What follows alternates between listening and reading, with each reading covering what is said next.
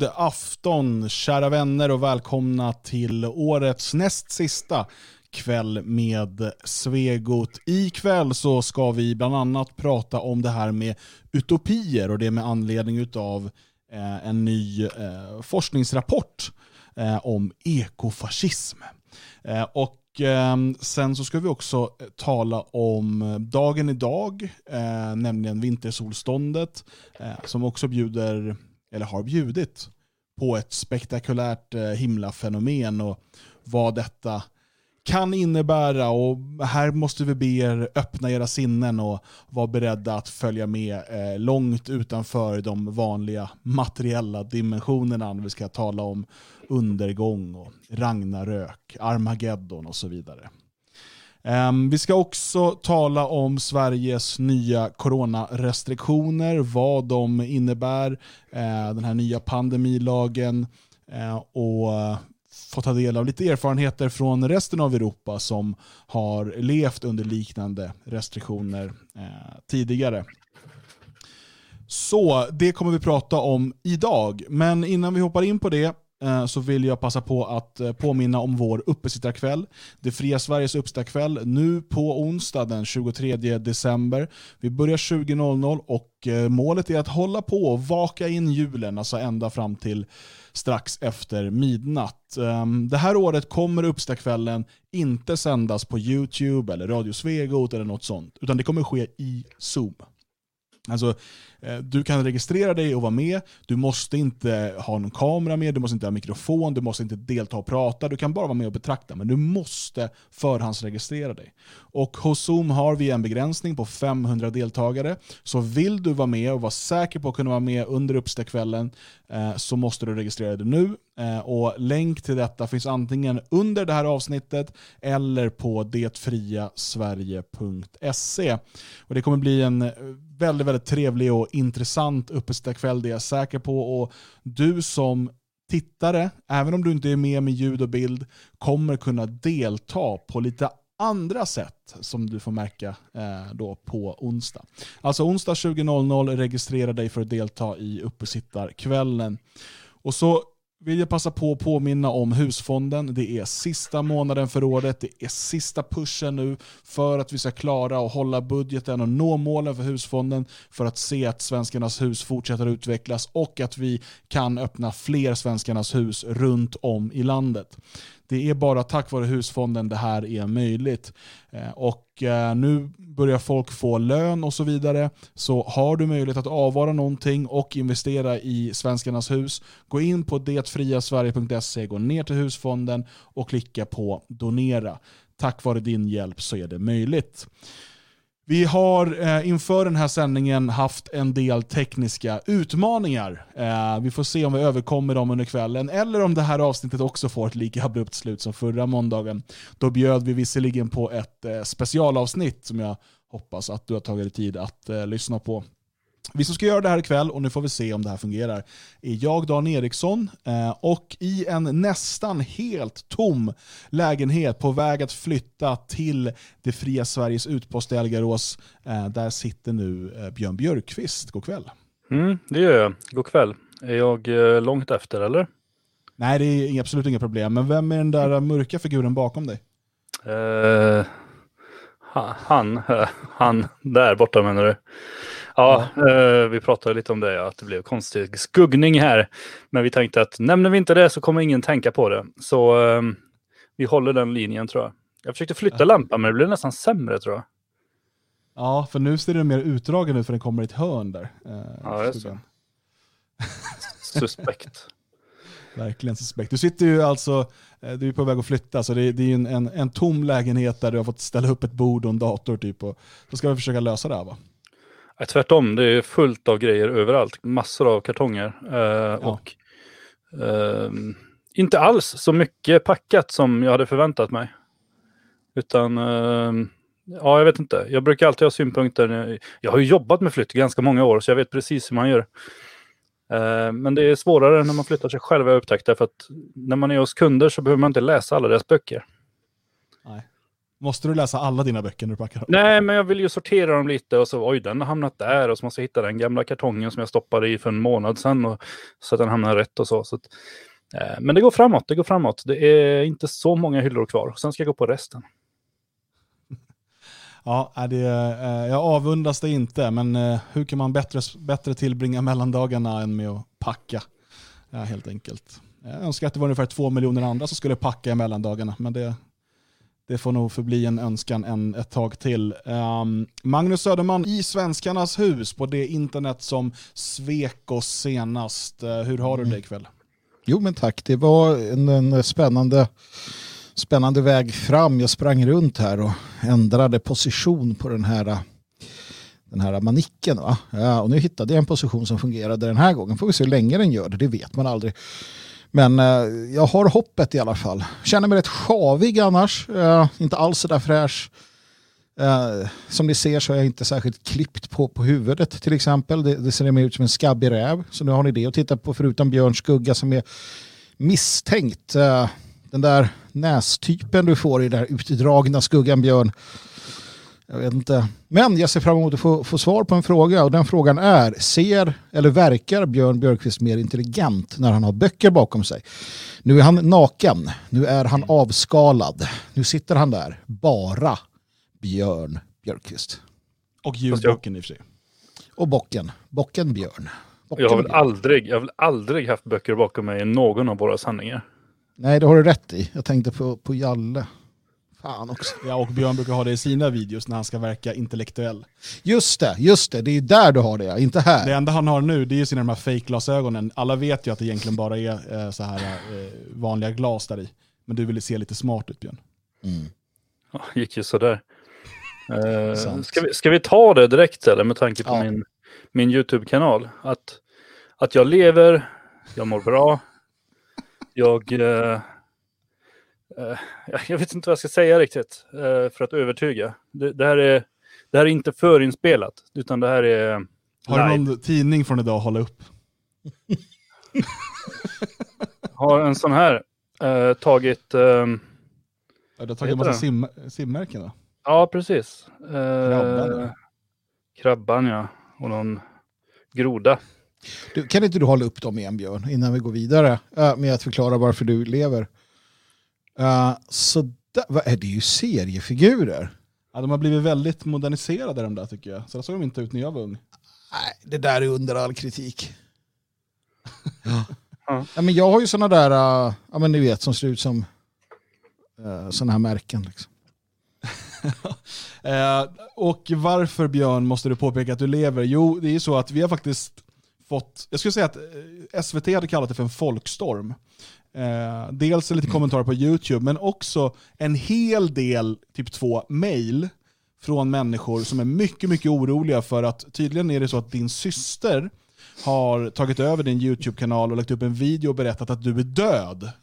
Um, jag, minns, jag, gjorde, jag, jag, gjorde ett klipp för några år sedan eh, kanske fyra, fem år sedan, där jag eh, sa att jag var jäkligt trött på kommentatorskobror, kallade jag det. Eh, människor som eh, kommenterar på liksom, sociala medier och, och, liknande utan att ha läst artikeln de kommenterar. Eh, I det här fallet så kan man jämföra det då med att inte se klart en video eh, innan man liksom, eh, börjar skriva kommentarer eller höra av sig. Sen började det här liksom mer passas in i hela den här boomer-memen och så vidare. Men det är faktiskt, alltså att människor tog sig det var ett mail som var ganska långt. En, en, en, en kvinna, jag tror hon var lite äldre, eh, som var uppenbart orolig för att, alltså, om det här nu inte är ett skoj att någon har hackat kanalen, så måste ni gå ut och visa bild på Björn, så vi vet att han lever. Mm. Uh, Vad är det ja? uh, jo, nej men jag vet inte. Jag tyckte för att det var lite underhållande i början. Uh, Eh, men, nej, men sen kommer jag att tänka på att det är, det är ändå människor som är oroliga på riktigt och det är väl antagligen folk som inte kanske är jättebra på engelska och som börjar titta och liksom vad fan mm. är det här? De pratar om en bror som har försvunnit och sådär. Uh, men det är ju alltså till att börja med, jag har en syster men hon pratar svenska. Den här kvinnan är från, den här kvinnan är från Skottland. Uh, jag skrev även en text till filmen där jag skrev att den här filmen har legat, eller dök upp för några år sedan och sen varit borta Och nu kommer den upp igen då därför att efterlysningen fortfarande är aktuell. Uh, jag vet inte, de flesta har ju säkert sett den, men jag ska inte spoila den ändå. Det är en, titta på den, den är sevärd. Och det är inte min syster. Men och jag lever. Jag har, jag har ju tänkt många gånger, um, först innan jag fortsätter, Eh, kram till Lisbeth. Hon säger att vi är fina vad jag än säger, eh, vilket jag tycker är snällt av henne. Eh, att, att, känna, att vi kan känna att vi är fina. Dan har en dubbelgångare på charken i Vinsta. Tycker jag är fantastiskt roligt. Jag måste ju åka dit. De brukar tjata du... i chatten också om någon youtuber som också är min dubbelgångare. Jag vet inte. Alltså, min, min far kanske var lite lösaktig i ungdomsåren. Men uh, det jag tänker är att vi hade ju han den här, uh, en av de här blatte-alibarna, uh, vad han nu kallades, uh, som gjorde någon grej här för ett tag sedan att han försvann och ingen visste ah, var han var. Och så skrev det. han, uh, han hade något konstigt namn. Mm. Men i alla fall. Eh, och han, han kom ju tillbaka sen, eller jag vet inte vad som hände faktiskt. Jag följde inte det där mer än någon, någon dag. Sen, sen kallnade spåret. Men jag tänker att ibland så känner jag att jag skulle göra så också bara för att se. Om någon bryr sig. Men så brukar jag strunta i det av det enkla skälet att tänk om ingen bryr sig. det skulle ju vara jättejobbigt och så här, nu, nu tröttnar jag på allting, nu kommer Söderman. Sådär, så bara, ja ja, sådär. Typ flashback, bra. och det är det enda som är kommentarerna. Det är därför man aldrig vill fejka sin död, för att man är alldeles för orolig för de, antingen för reaktionerna eller för de uteblivna reaktionerna. Ja, eller som häromdagen då jag pratade med med familjen så, så sa jag att det kanske är dags att ta en sån här uh, försäkring och vi pratade lite om sånt och livförsäkringar och sådär.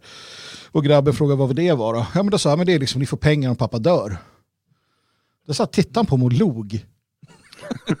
och så sa han ingenting. Ja, sen kom det så här, men hur mycket? Så här, ja, nej men det ska inte bli någon livförsäkring. Varför inte det? Nu tjatar det enda tjatar om. Pappa, har du tagit livförsäkringen? Nej, nej. Han bara, pappa är död, bara jag en vinst. Det blir pengar, wow! liksom, det är ju två önskningar på en gång, det går ju inte. Jo då, med AFA livförsäkring. Ja.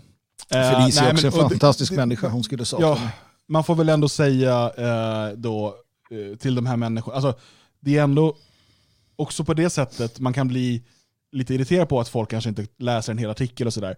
Men det, här är ändå, det var ändå ett antal människor som har tagit sig tid att höra av sig. Alltså det är ändå det är också fint i alltihopa. Att jo. med, och liksom höra av sig, så här, men är det, vad är det som har hänt? Vad, liksom, är, är det här sant? Och, så där. Så, och det måste man faktiskt, um, och det värmer ju att, att, att, folk faktiskt bryr sig om, åtminstone dig Björn. Mm. Jo, jag är inte så säker på att det hade blivit samma resultat på någon av era kanaler. Jo då, det tror jag. No, nej, men det är trevligt ändå och jag lever. Så eh, skulle kommit en film igår, men jag eh, provade en ny mikrofon som Magnus gav mig och det lät så sprucket när jag pratade så att eh, jag hade den nog för nära tror jag. Så jag ska prova att ha den lite längre bort och spela in ikväll igen tänkte jag. Ja, den är inte helt optimal. Att ta teknikprylar från mig är som, jag vet inte, det är som att ta kvinnotips från Hans Scheik. Nej, fan. Det är som att ta politiska råd från Stefan Löfven. Ungefär. ungefär. Det är som att ha en barnvakt från Centern. Typ. Ja. Uh, vi ska snart gå in på uh, de ämnen vi ska tala om ikväll. Uh, det här är ju våra måndagskvällar och, och de är mer fokus på det här gemenskapen. Lite avslappnat, även om vi pratar om viktiga och tunga ämnen också. Och vi försöker involvera chatten och så. Uh, Mex, Mex Mucking undrar här i chatten om vi någon gång kan tänka oss att ha en uh, qa kväll på Svegot. Och det kan vi tänka oss att ha. Um, så får vi se om det blir av. Nej men det, det, det, kommer bli ett framtida avsnitt. Jag har faktiskt funderat på om vi inte ska göra det nästa avsnitt, så årets sista avsnitt. Om vi inte ska ha det som ett, där vi bara där vi svarar på frågor helt enkelt. Vad, vad tror ni om det? Redaktionsmöte snabbt. Ja, nej, men jag, jag är alltid för sånt där att framförallt slipper man tänka ut något ämne. Jag har ju, jag har ju lite grejer upp i alla fall. Då. Jag har eh, några punkter, men övrigt absolut. Mm. Nej, det skulle jag ha på uppesittarkvällen tror jag. Jag minns Ja, uppesittarkvällen blir lite mer årssummering och sådär också. Mm. Den ska ändå hålla på i typ fyra timmar så vi måste ha lite innehåll där. Just det.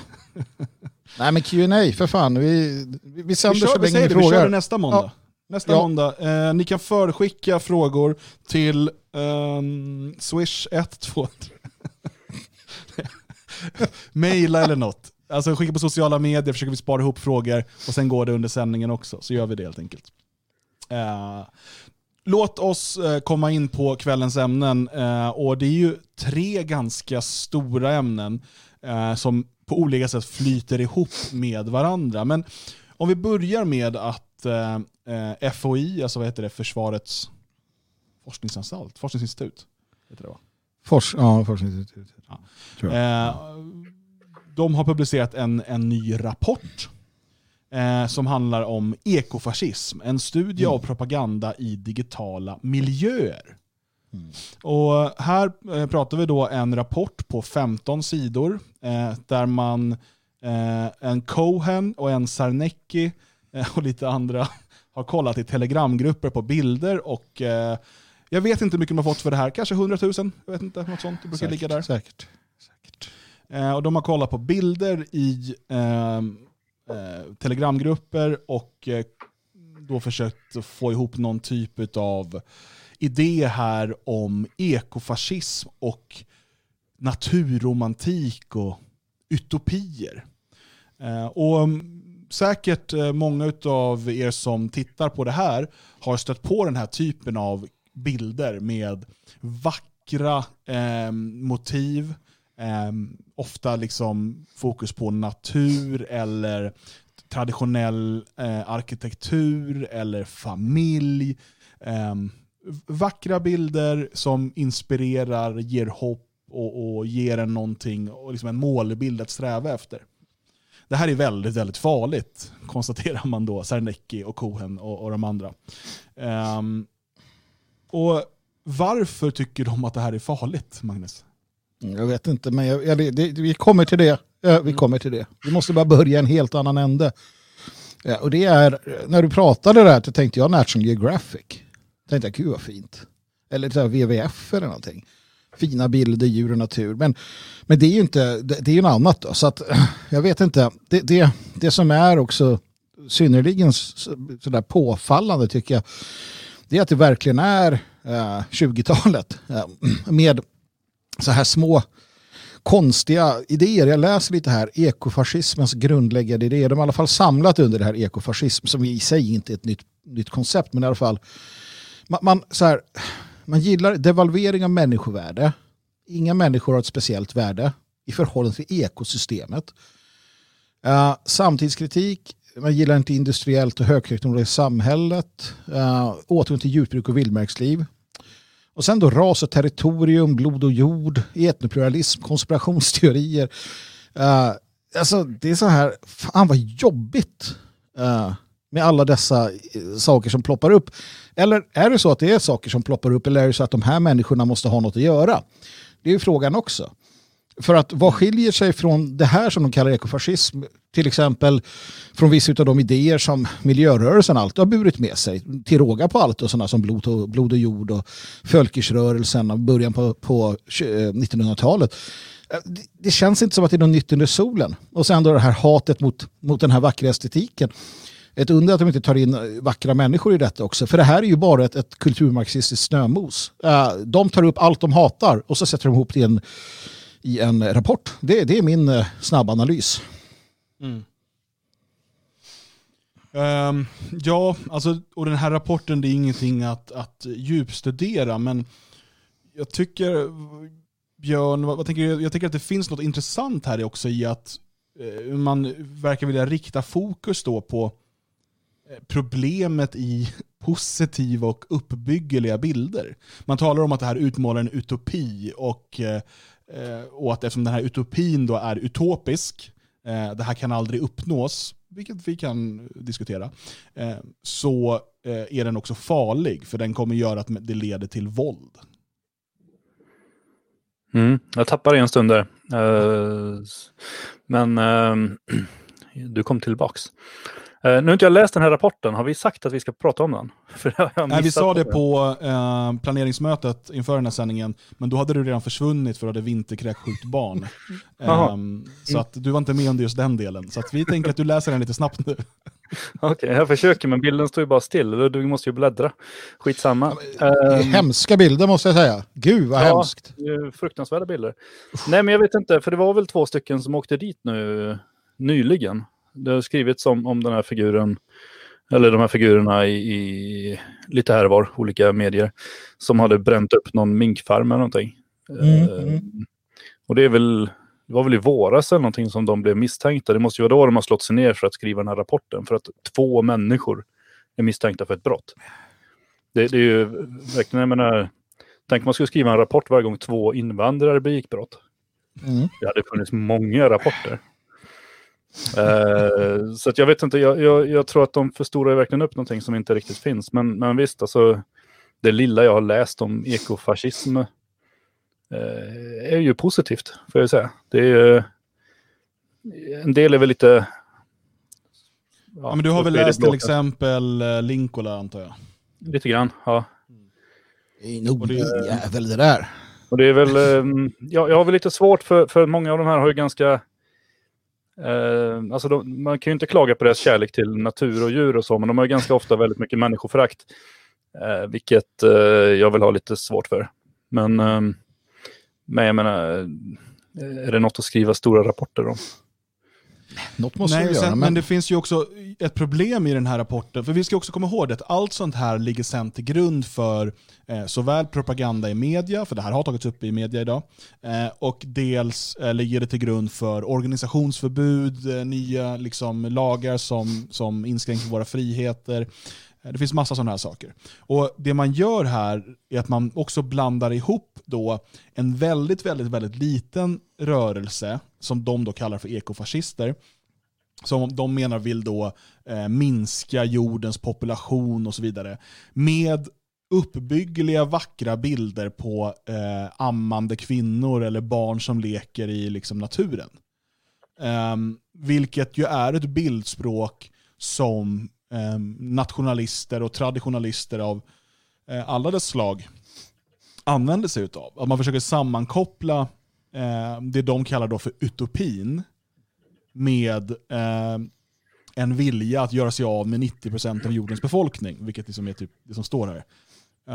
Och menar, den idén är ju idag någonting som har populariserats hos människor som Eh, har en massa teorier om Bill Gates och, och eh, nya världsordningen och så vidare, att de vill hålla nere eh, befolkningen. Och så kommer då staten ut med en rapport, alltså Totalförsvarets forskningsinstitut, kommer ut med en rapport som säger att det är de här ekofascisterna Eh, De som har- tycker om bilder på eh, glada barn och, och vackra solnedgångar. Eh, det är de som eh, vill kontrollera eh, jordens befolkning. Eller något.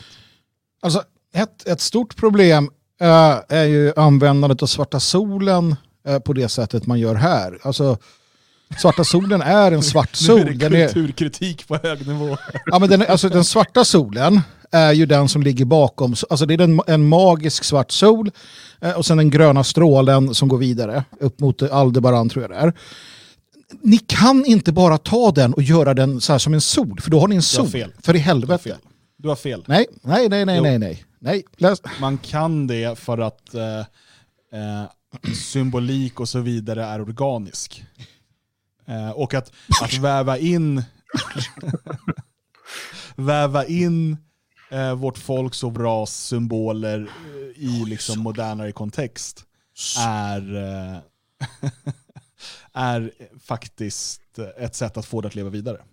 Det beror ju på hur man gör, men, men, men det är ju ändå, om man tittar på de här tre bilderna nu som, som eh, vi tydligen ska titta på. Så, men, Hela tiden. Ja. Nej, De nej, bort andra, alla de andra är det hakkors på så de får vi inte visa. Ja. jag menar, alltså, det kan ju inte upplevas som särskilt skrämmande. För. Jag menar, den första skulle kunna vara alltså, en, en, liksom en turistkatalog för Norge eller någonting.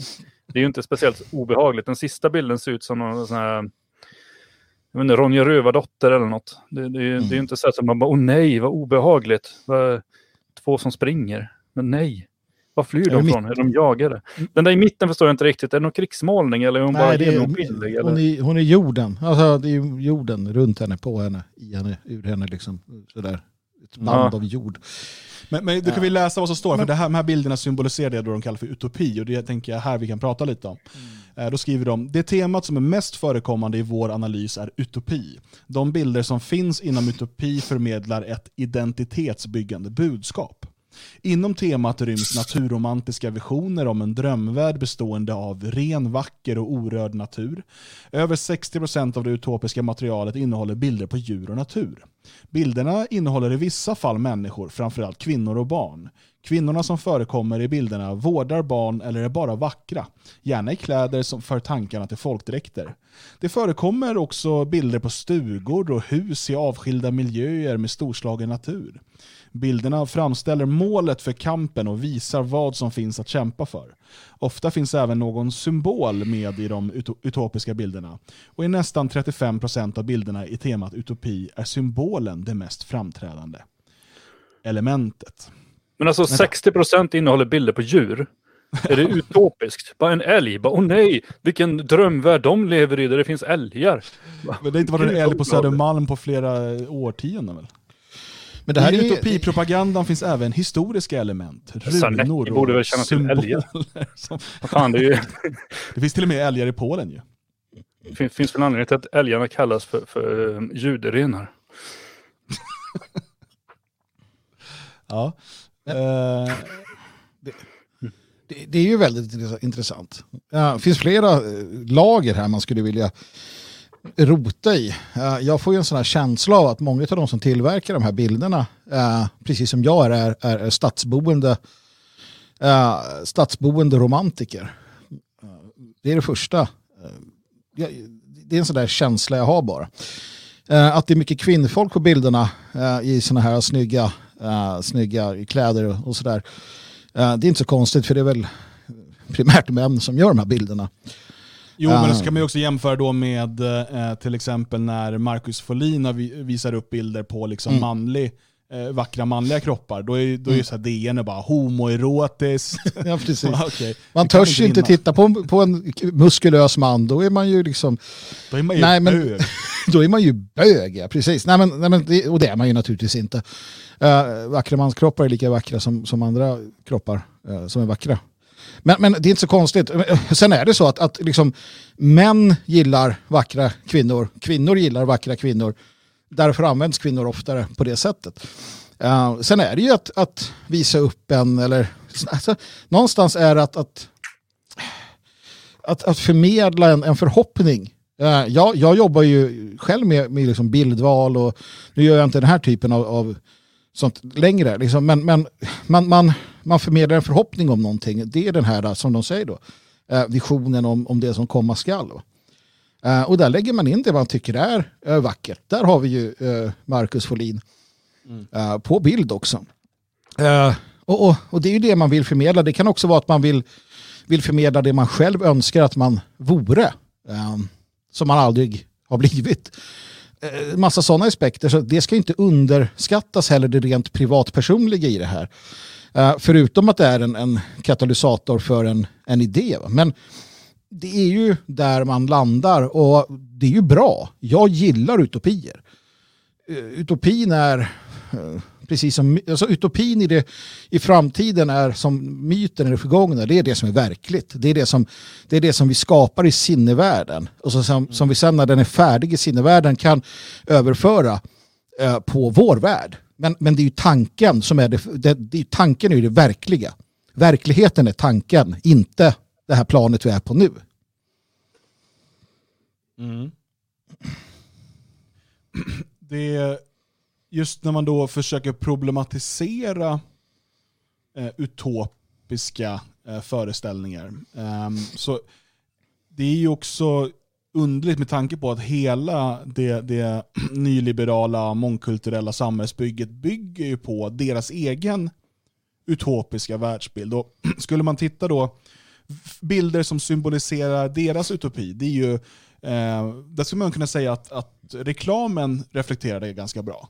Då är det ofta, liksom, då lyckas man hitta eh, tre barn som leker ihop och då är det en vit, en gul och en svart. Eh, det är nästan alltid en svart man och en vit kvinna och så vidare. Eh, och Det här är ju ett sätt då att symbolisera deras utopi av hur ett samhälle ska se ut.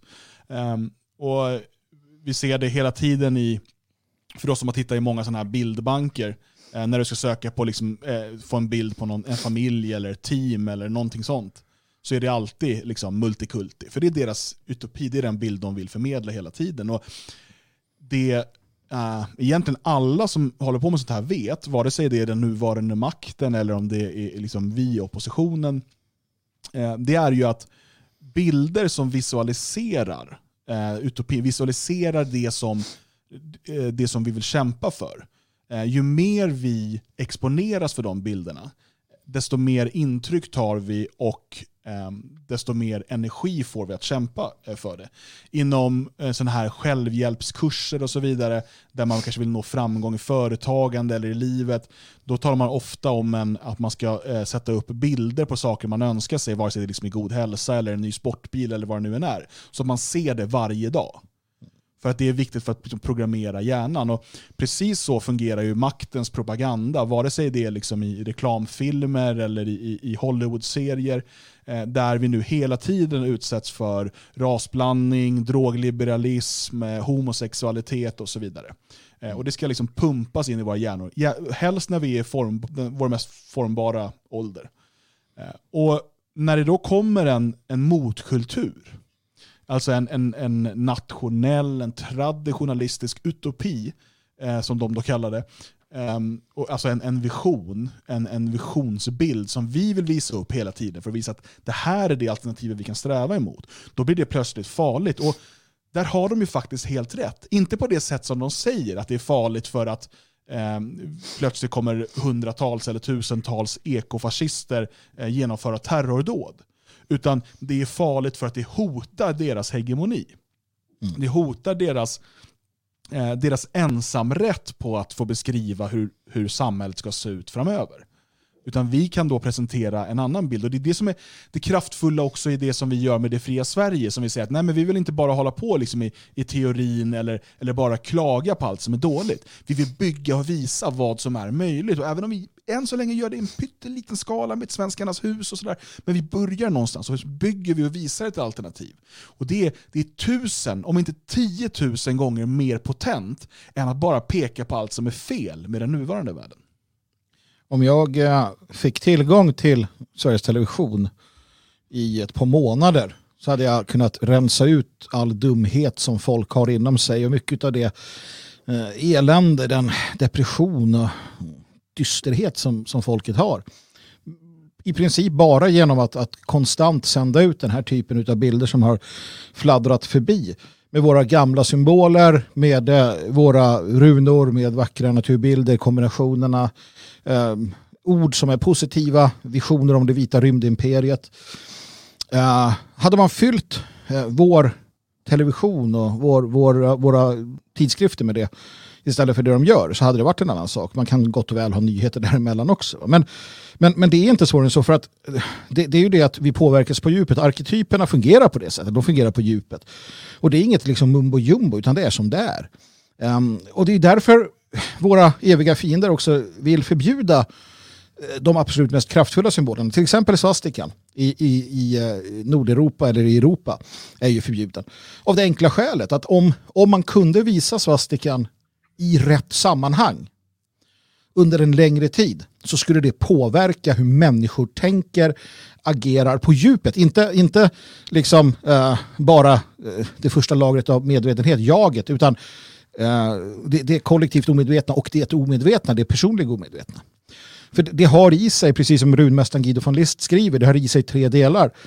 Uh, våra, våra gamla symboler, det är dels ljudet, ljudet i bokstaven eller i, i bindrunan eller vad du vill. Uh, det andra är symboliken, alltså hur den ser ut. Det, det som du ser, hur det påverkar. Och det tredje är uh, de, de, de vibrationerna som så att säga ska avges. Då.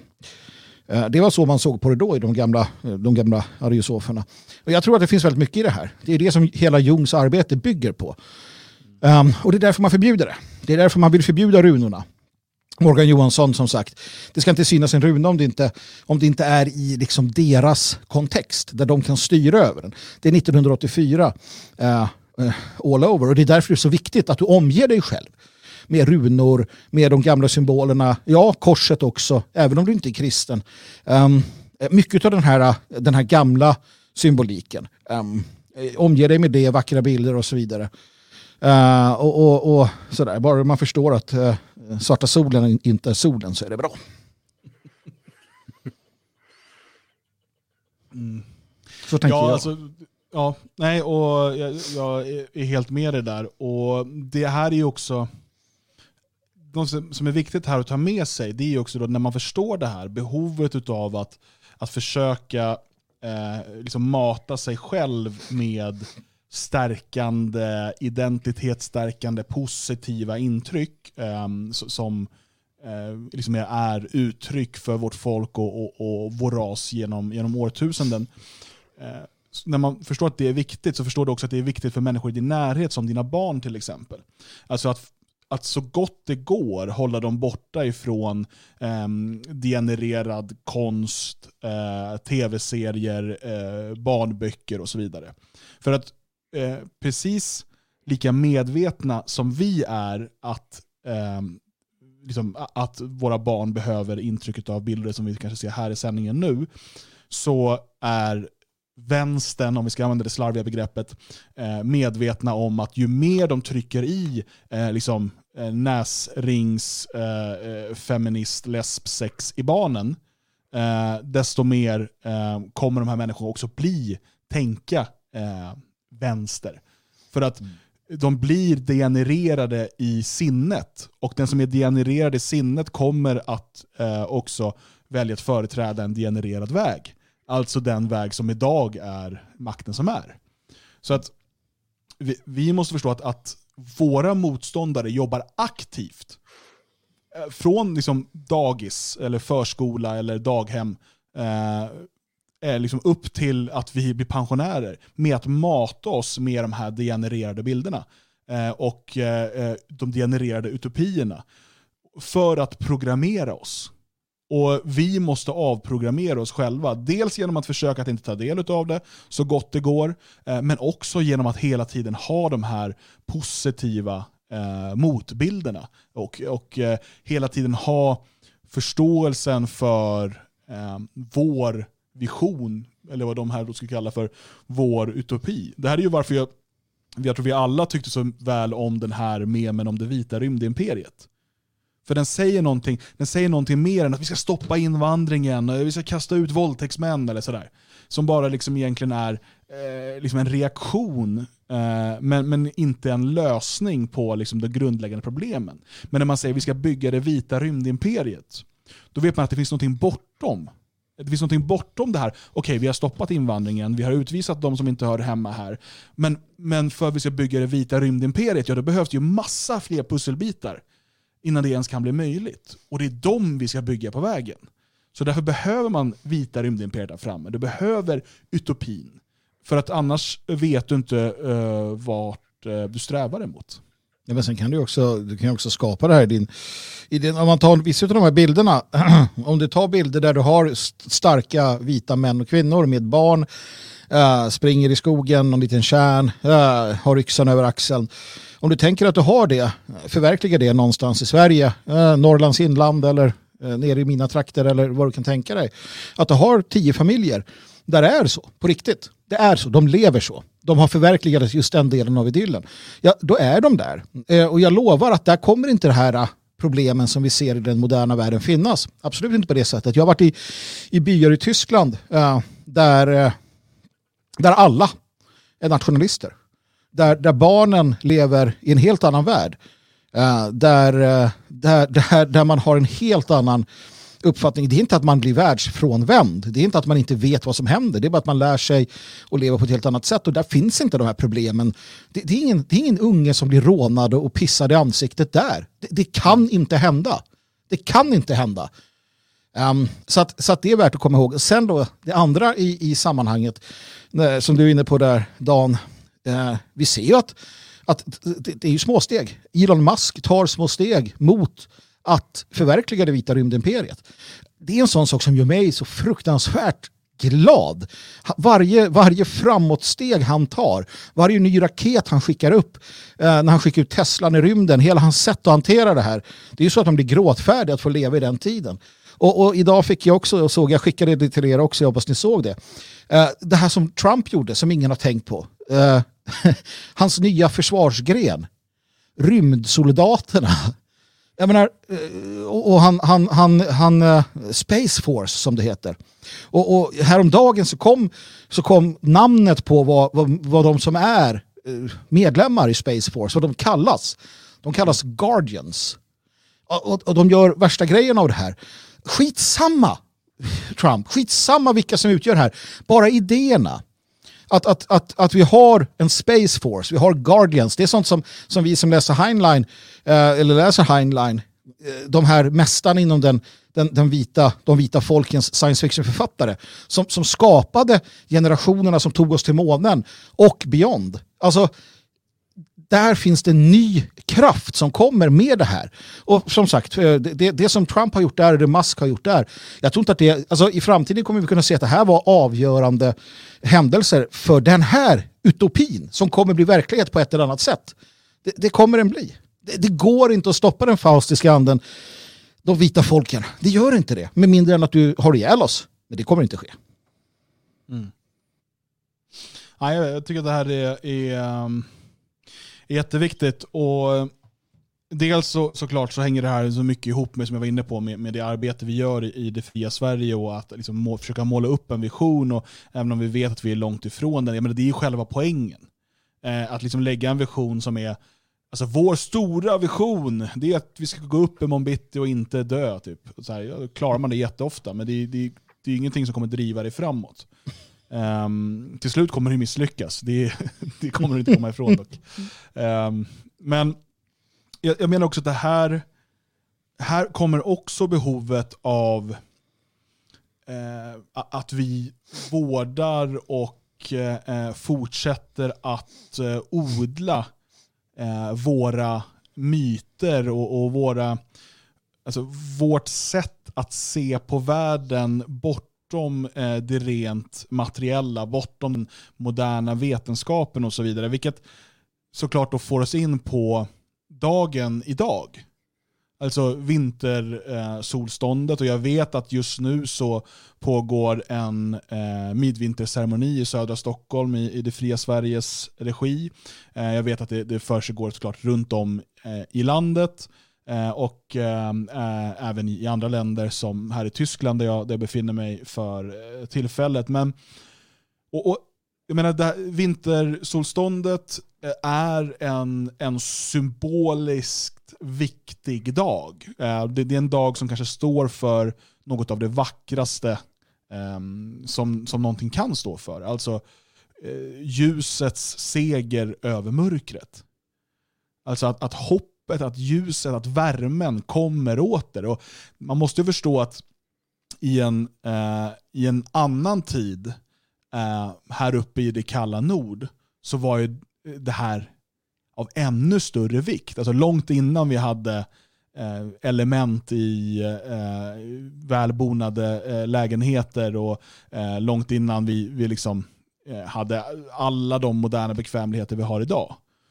Ehm, så och, och man, liksom, ja, kylskåp, alltså allt sånt här som vi tar för givet idag. Um, konserveringsmetoder och så vidare. Och när, när då solen kommer åter, när det vänder, och man vet att vi är på väg nu mot våren, vi är på väg eh, mot en tid då allting vaknar till liv igen. Eh, det, det, det, är så oerhört eh, kraftfullt och det där har eh, väldigt, väldigt mycket vårt folk och för vår ras så har ju den symbolen också varit större än bara eh, solens och jordens kretslopp. Den har ju också eh, liksom varit eh, symboliken för så mycket annat i, i våra liv och i, i världen och, och, hur man ser på den. Alltså att man ju ser det här, det här kretsloppet. Ehm, det här ehm, jag kommer inte på ordet bara för det. Men, men alltså, och en, så en dag som denna, det, jag tycker att det är väldigt, väldigt viktigt att vi eh, återerövrar den eh, traditionen och den, den eh, myten om man så vill. Och liksom den eh, förståelsen för att varje år så ser vi faktiskt ljuset seger över mörkret. Och Det finns där som inspiration för oss varje gång och det berättar för oss om hur de här cyklerna ser ut. Och när vi likt våra förfäder också kan se vårt lands och vårt folks och vår världsutveckling i dessa cykliska former så känns det också, ehm, är det också lättare att gå in i den mörka vinter som vårt folk är på väg in i eller befinner sig mitt i just nu. För att vi vet att vi förbereder oss för våren. Mm. Den eviga återkomsten kan vi stjäla från Nietzsche.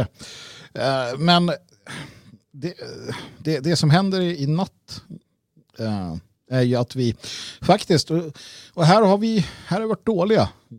Eh, vi har varit dåliga för att om man tittar på hur kyrkan arbetar så bygger man upp mot någonting. Man bygger upp mot Jesu födelse, man bygger upp mot påsken och så vidare. Man har de här budskapen runt hela året. Uh, och, och, det har jag inga problem med, jag är kristen. Men, men jag säger att vi skulle ha kunnat gjort något liknande. Uh, till exempel, det som händer i natt är att vi, att vi besegrar, som du sa, mörkret. Det vill säga vi kliver ut ur finbilla vintern. Vi, vi är färdiga med Ragnarök. Det är ju det det symboliserar. Ragnarök, det var bakom oss. Det har hänt. Det är klart. Och nu går vi in i den nya skapelsen. Nu går vi in i den i, i, i eh, regenerationen, nu när, när allting börjar växa och skapas. Uh, Balder kommer, eller vad du vill. Va? Uh, och det hade vi kunnat bygga upp till. Vi hade kunnat skapa en, inte en mytologi, den finns redan, men kunnat gestalta den. Uh, precis som kyrkan gör för att hålla den levande. För att just sätta oss i det perspektivet. Och sen så när vi går in i, i eh, när vi besegrar då eh, de här eh, vidundrarna från, från myten och går in i den här varmare tiden så börjar vi förbereda oss för vintern och för mörkret som kommer. Och sen så följer år på år. Det, det är någonting jag, jag har tänkt på att man, man skulle göra. Men just att, att det som händer nu det är ju inte att vi, att vi går in i eh, Ragnarök utan att Ragnarök är klar. Det är besegrat. Det, det, det som skulle ha hänt har hänt. Va? Vi har levt i Ragnarök nu några månader. Ja, och så. så att ja, det, det är en intressant i för, för vad gäller liksom jordens uh, naturliga cykel. Mm -hmm. um, sen kan vi ju tala om, om liksom en, en, ett större Ragnarök under en längre cykel som, uh, som kan sträcka sig över hundratals år. Oh ja. um, och, eller tusentals år om man, om, om, man så vill. Men man kan, för det finns ju um, cykler i cyklerna så att säga. Mm. Och det här som vi då eh, kallar för ett år, eh, det är ju en av många cykler och där har vi nu eh, besegrat mörkret, Ragnarök ligger bakom oss och så vidare. Mm. Samtidigt om vi ser ehm, i vår, över vår rashistoria så menar jag att vi är på väg in i eller befinner oss i vintern. Mm. Um, och det är ju en annan cykel så att säga. Ja men så är det. Uh, definitivt. Och, och, där tvistar väl de lärde. man får välja vilken uh, esoterisk skola man ska uh, tillhöra, vart man befinner sig och så vidare. Men, men uh, nog egen. är det så. Ja, det är lika bra, det gjorde de flesta. Alla, alla runmagiker och alla sådana här mästare som vi har, de, de är ju mästare för att de valde en helt egen väg och, och fick eh, proselyter. Men eh, det, som, det som jag tänker, en annan sak här bara, det är också att har ni tänkt på att det, det finns två typer av människor? Eh, uh, och om man tänker inom mysterieskolorna så har ju den vänstra handen och den högra handen, alltså vänster ska vara ond och höger ska vara god och så. Uh, inom, inom vilken väg man väljer. Men när det kommer till det här så finns det också två typer av människor. Och Savitri är vi lite inne, inne på det när hon pratar om det här med blixt och sol. Uh, det finns människor som verkligen blomstrar ut när vi kommer in i den ljusa tiden Uh, människor som kan ta det till sig. Sen finns det de som, som närs av den mörka tiden. De är varulvar. De är eh, uh, blodisande och, och, och, och, hör hemma i mörkret. Fast de är en del av oss. Nästan som, som uh, jag vet inte, i, som, som någon form av alver på den ljusa delen av året och inte vet jag, eh, uh, oborstade nordmän på, på uh, männen från väst, jag vet inte, på, på den här mörkare tiden. Och man, man känner sådana. Jag, jag, jag kan liksom direkt börja placera vänner i olika fack. Eh, mer eller mindre att det här är en, en, en sån här uh, nattens djur och det här är en solvarelse. Kanske det skulle vara lönsamt att man tittar på sig själv där. Eh, kanske kan fungera bättre eh, både i det vanliga vardagliga livet och i, i vår opposition om man, om man visste vad man tillhörde själv. Mm. Ja, ja, helt klart. Um, idag så är det ju dessutom ett uh, ganska speciellt fenomen uh, Eh, i samband med eh, vintersolståndet. Ehm, det är ju så att vi har den här jag tror att den svenska översättningen blir stora konjunktionen eh, med Jupiter och Venus. Som eh, visserligen, jag tror att de var 20 år kommer ganska nära varandra, alltså i vår siktlinje så att säga. Men så nära som de ligger nu är något som sker ungefär vart 400 år. Ehm, och eh, exakt så här intensivt eh, när man försöker se tillbaka då matematiskt eh, har vi någon gång på 1200-talet och någon gång runt år 0. Eh, och det finns ju, man har försökt förklara eh, historien om Betlehems stjärna eh, med att Jupiter och Venus låg så här nära varandra. Och det finns även eh, teorier om de eh, tre vise männen, att, att man hade en förståelse för att nu föds en frälsare och så vidare. Och du som tittar eh, eller lyssnar på det här får, får tro exakt vad du vill om det. Men när jag säger just tro så blir jag också sådär att vi behöver tro på att när det här järtecknet återigen upprepar sig, vi behöver tro på att det kan vara en symbol för att en, en frälsare föds den här natten. För att, eh, kanske inte bokstavligen som människobarn, men att, att en, en, en idé, en gnista tänds den här natten. Som kommer leda vårt folk till eh, någonting bättre, någonting starkare.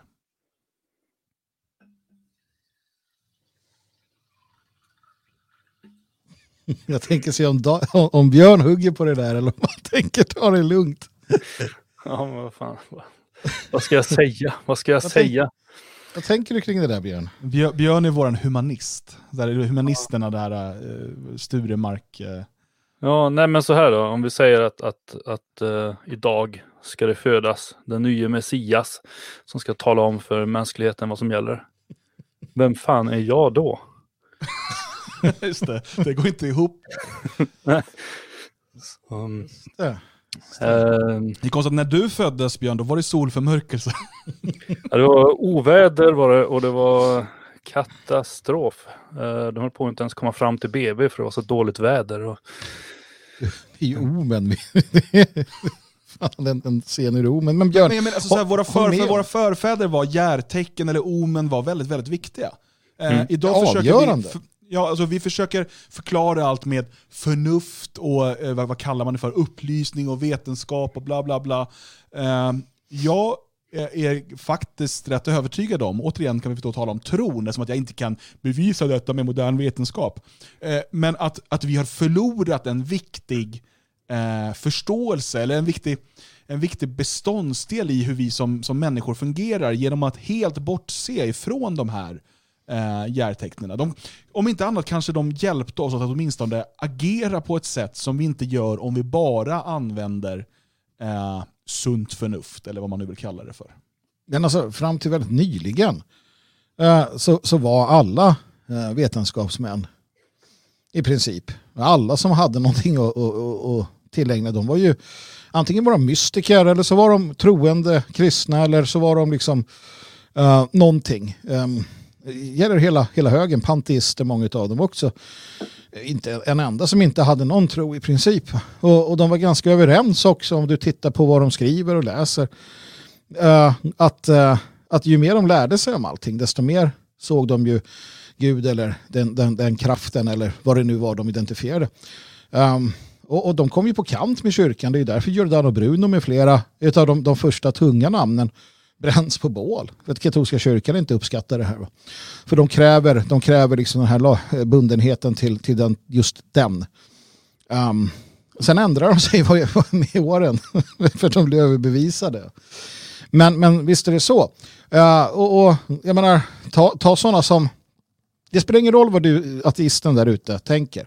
Saken är den Och då, då, kan vi bara titta på det ur ett rent djuppsykologiskt plan. Om du är i en här och varje morgon klockan fem eller fyra så går kungen ut och så säger han åt er alla att ställa, sätta er på knä. Ställa er på knä. Och så har man korum tillsammans. Och sen när det är klart så säger man nu, nu tar vi fienden. Ja, då blir man karolinerna. När man inte gör det, då blir man den moderna förtappade pissmänniskan som skiter i allt. Och det, det kommer ur den här, uh, det kommer ur den här uh, idén. Uh, den, den, hypermaterialistiska. I den, den här boken som inte har någon bärighet, jag bara säger det för att det där står, ett protokoll som några visa ska ha skrivit ner. Där är det tydligt om man, om man tror på det. protokollet från DFS. ja, en typ av andra visa, men de, de, de, pratar om, i den här boken så pratar de om hur de ska ta makten över västvärlden, världen och sådär. Ah, ja. uh, Eh, en sån som Henry Ford tyckte den var så bra så han gav ut den med varje T-Ford du köpte så fick du den här boken. I alla fall, där står det uh, att, att man ska liksom, eh, det är tre läror som ska, ska tryckas ut över människan. Uh, och det är, om jag inte minns fel, socialism, uh, det är darwinism och det är nietzscheism. Det är de tre som ska tryckas ut över människan. Um, det är lite intressant i sig. För vad, de här har gemensamt är ju förkastande väldigt mycket av det traditionella. Nietzsche på sitt sätt. Även om det kan finnas en del eh, välgörande drag hos honom också, kan man tycka. Men, men definitivt socialismen och, och, och, och, darwinismen som alla de här någonstans lägger grunden för hela den här materialistiska synen. Uh, och, och, ja, det är vad som står i den boken. Jag säger inte att det är sant. Men det är så många som, som säger att den har ett värde. Sen så läser de den naturligtvis aldrig för de själva identifierar sig som något av det här. Vilket i sig är intressant. Va? Men nej, uh, jag vet inte ens vart jag var någonstans men där tackar jag för mig så länge. Nej, det är ju ett sånt ämne där det är lätt att det finns så många stickspår och så vidare. Jag, jag tänker att varför vi lyfter det här nu och varför vi ska lyfta det, det är för att dels för att slå några liksom jabbar emot eh, materialismen. Eh, som, eh, och, och, liksom, jag kan inte få dig som tittar eh, på det här och som är ateist och materialist att liksom börja tro på någonting. Och det är inte heller, det är inte heller eh, liksom mitt mål. Eh, jag är inte någon missionerande religiös som ska övertyga dig om någonting. Utan jag menar bara att vi, vi Eh, bör se tillbaka på våra förfäders kunskap som om, inte som att de vore, vilket den moderna eh, liksom politiken, median eh, och så vidare försöker utmåla som, några korkade, obildade dumskallar. Snarare var det människor som hade förståelse för saker som vi idag har glömt bort, som vi idag eh, ignorerar till förmån för så kallad modern vetenskap. Och eh, Precis som att den här moderna vetenskapen som vi har idag, utav säkert många kommer ses som obsolet om 500 år. Eh, och, och liksom, en del saker som vi tyckte var helt rimliga bara på 60-talet tycker vi nu är helt galna. Vi, när jag säger vi så säger vi då liksom någon typ av konsensus i, i samhället. Eh, men våra förfäders syn på um, på livet och, och, på naturen och på vilka signaler det kunde få, på um, planeternas kraft och så vidare. Allt det här, alla de sakerna uh, bär med sig uh, vishet som vi kan försöka ta del av. Och ehm, jag, kan inte säga exakt vad eh, liksom dagens eh, stora konjunktion innebär. Um, men det vi kan... Um, alltså, men, men däremot det som jag vill att man ska ta med sig det är att tron på att detta eh, faktiskt eh, är ett, ett tecken för oss, för någonting positivt som, som bådar någonting gott som kommer. Bara den tron i sig kan försätta berg. Ja, det, det, det, är det som jag tycker man måste få med sig. Ja, men det, är det, som, och det, är det, det är det som är så väldigt svårt att få somliga att förstå när man säger till exempel, eh, och helt anammar Jungs idé om att myten är viktigare än historien. Det är den som den påverkar mer än historien. Historien vet vi inget om, myten är viktigare. Uh, och, jag läste någon, jag minns inte vem det var, som sa att uh, du kan lika gärna ta Tolkiens värld och göra till att så var det. Det är, mm. inte, det är inte mer rätt eller fel än mycket annat. För vi vet ändå så lite. och, och Ja, varför inte? Varför inte? Vi, vi pratar om Atlantis, Hyperborea och sånt där. Ja, det var Tolkiens värld. Han hade, en, han hade en koppling till det kollektivt omedvetna, till blodets röster som berättar om vad som hände innan den tidsålder vi lever i. Varför inte? Mm. Eh, då säger den här människan, nej, så där kan man inte, det ska vara ren fakta från förr. Ja, men du, kan gå du vet ingenting. Om, om du går tillbaka hundra år så vet du knappt någonting. du vet vad de vill berätta för dig och så vidare. och så vidare. För man, man, man, man ser allt, och det där kommer bli värre om hundra år, man ser ur vår kontext, våra glasögon. Eh, och det är den historieskrivning som kommer. Va? Eh, så att, nej men absolut, det är faktiskt viktigare att du tror på något egentligen. Något som, eh, att, du, att du bestämmer dig för att ta upp någonting, menar jag. Ditt liv blir bättre, inte fan vet jag. Alltså, att, att inte ha det där, det, nej, och att det påverkar, det är klart det gör. Det är väl bara att titta Titta när, när eh, Nya Zeelands rugbylandslag kör en, en, en hacka framför, framför motståndarna i, i rugbyn eller liknande. Och, och tänk att du står mitt emot dem och de gör den där krigsdansen där de åkallar sina andar, sina gudar och, och eh, liksom hela den biten. Stå där och känna att nej men det här är inga problem, de här killarna vill jag, vill jag tampas med. Det är ju skräckinjagande. Va? Alla de här sakerna som vi har gjort, vi och andra folk, det är det att vi har tagit dem längre, uh, utvecklat dem mer. Det, det, det tjänar ju ett syfte, vare sig man tror det eller inte. Va? Så att man kan se helt cyniskt på det här. Men man mår ju bättre när man faktiskt tror. Det, det vågar jag hävda då. Men sen är det upp till var och en, det får de göra som de vill. Ja, jag vill bara eh, reda ut en sak också en gång för alla här. Eh, för det här är det klassiska när, när en jag gång nämner... för alla? Ja, när, jag, när jag nämner materialism, att folk inte riktigt förstår vad jag menar. Um, Nej, men och, vi får väl, det är väl ett konstigt begrepp kanske. Eh, för jag såg att det skrevs i chatten här, eh, jag är ateist och ej materialist. Eh, och skriver att det är förbannat jobbigt att behöva ta häst och vagn till jobbet.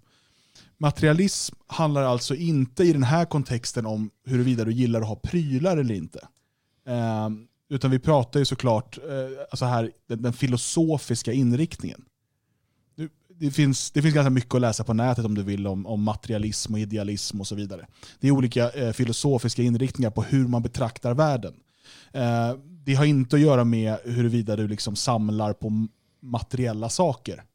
Eh, det, det, är en annan, jag vet att man använder samma ord, om det, men det, det, är inte det som vi talar om här, eller som jag talar om i alla fall. Eh, alltså man kan gilla snygga sportbilar men inte vara materialist i en filosofisk, eh, som filosofisk inriktning. Var, var det tydligt nog Magnus? Jag, jag tycker det absolut. Mm, sen, sen, är jag ofta tveksam kring huruvida personer som säger att de är ateister verkligen är ateister.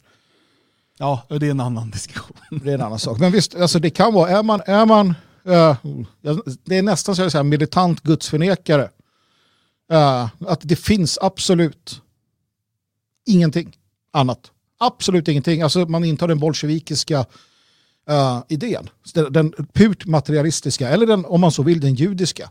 För glöm inte att den judiska religionen är pur materialistisk. Alltså mm. den är gudsförnekande. Det finns ingenting.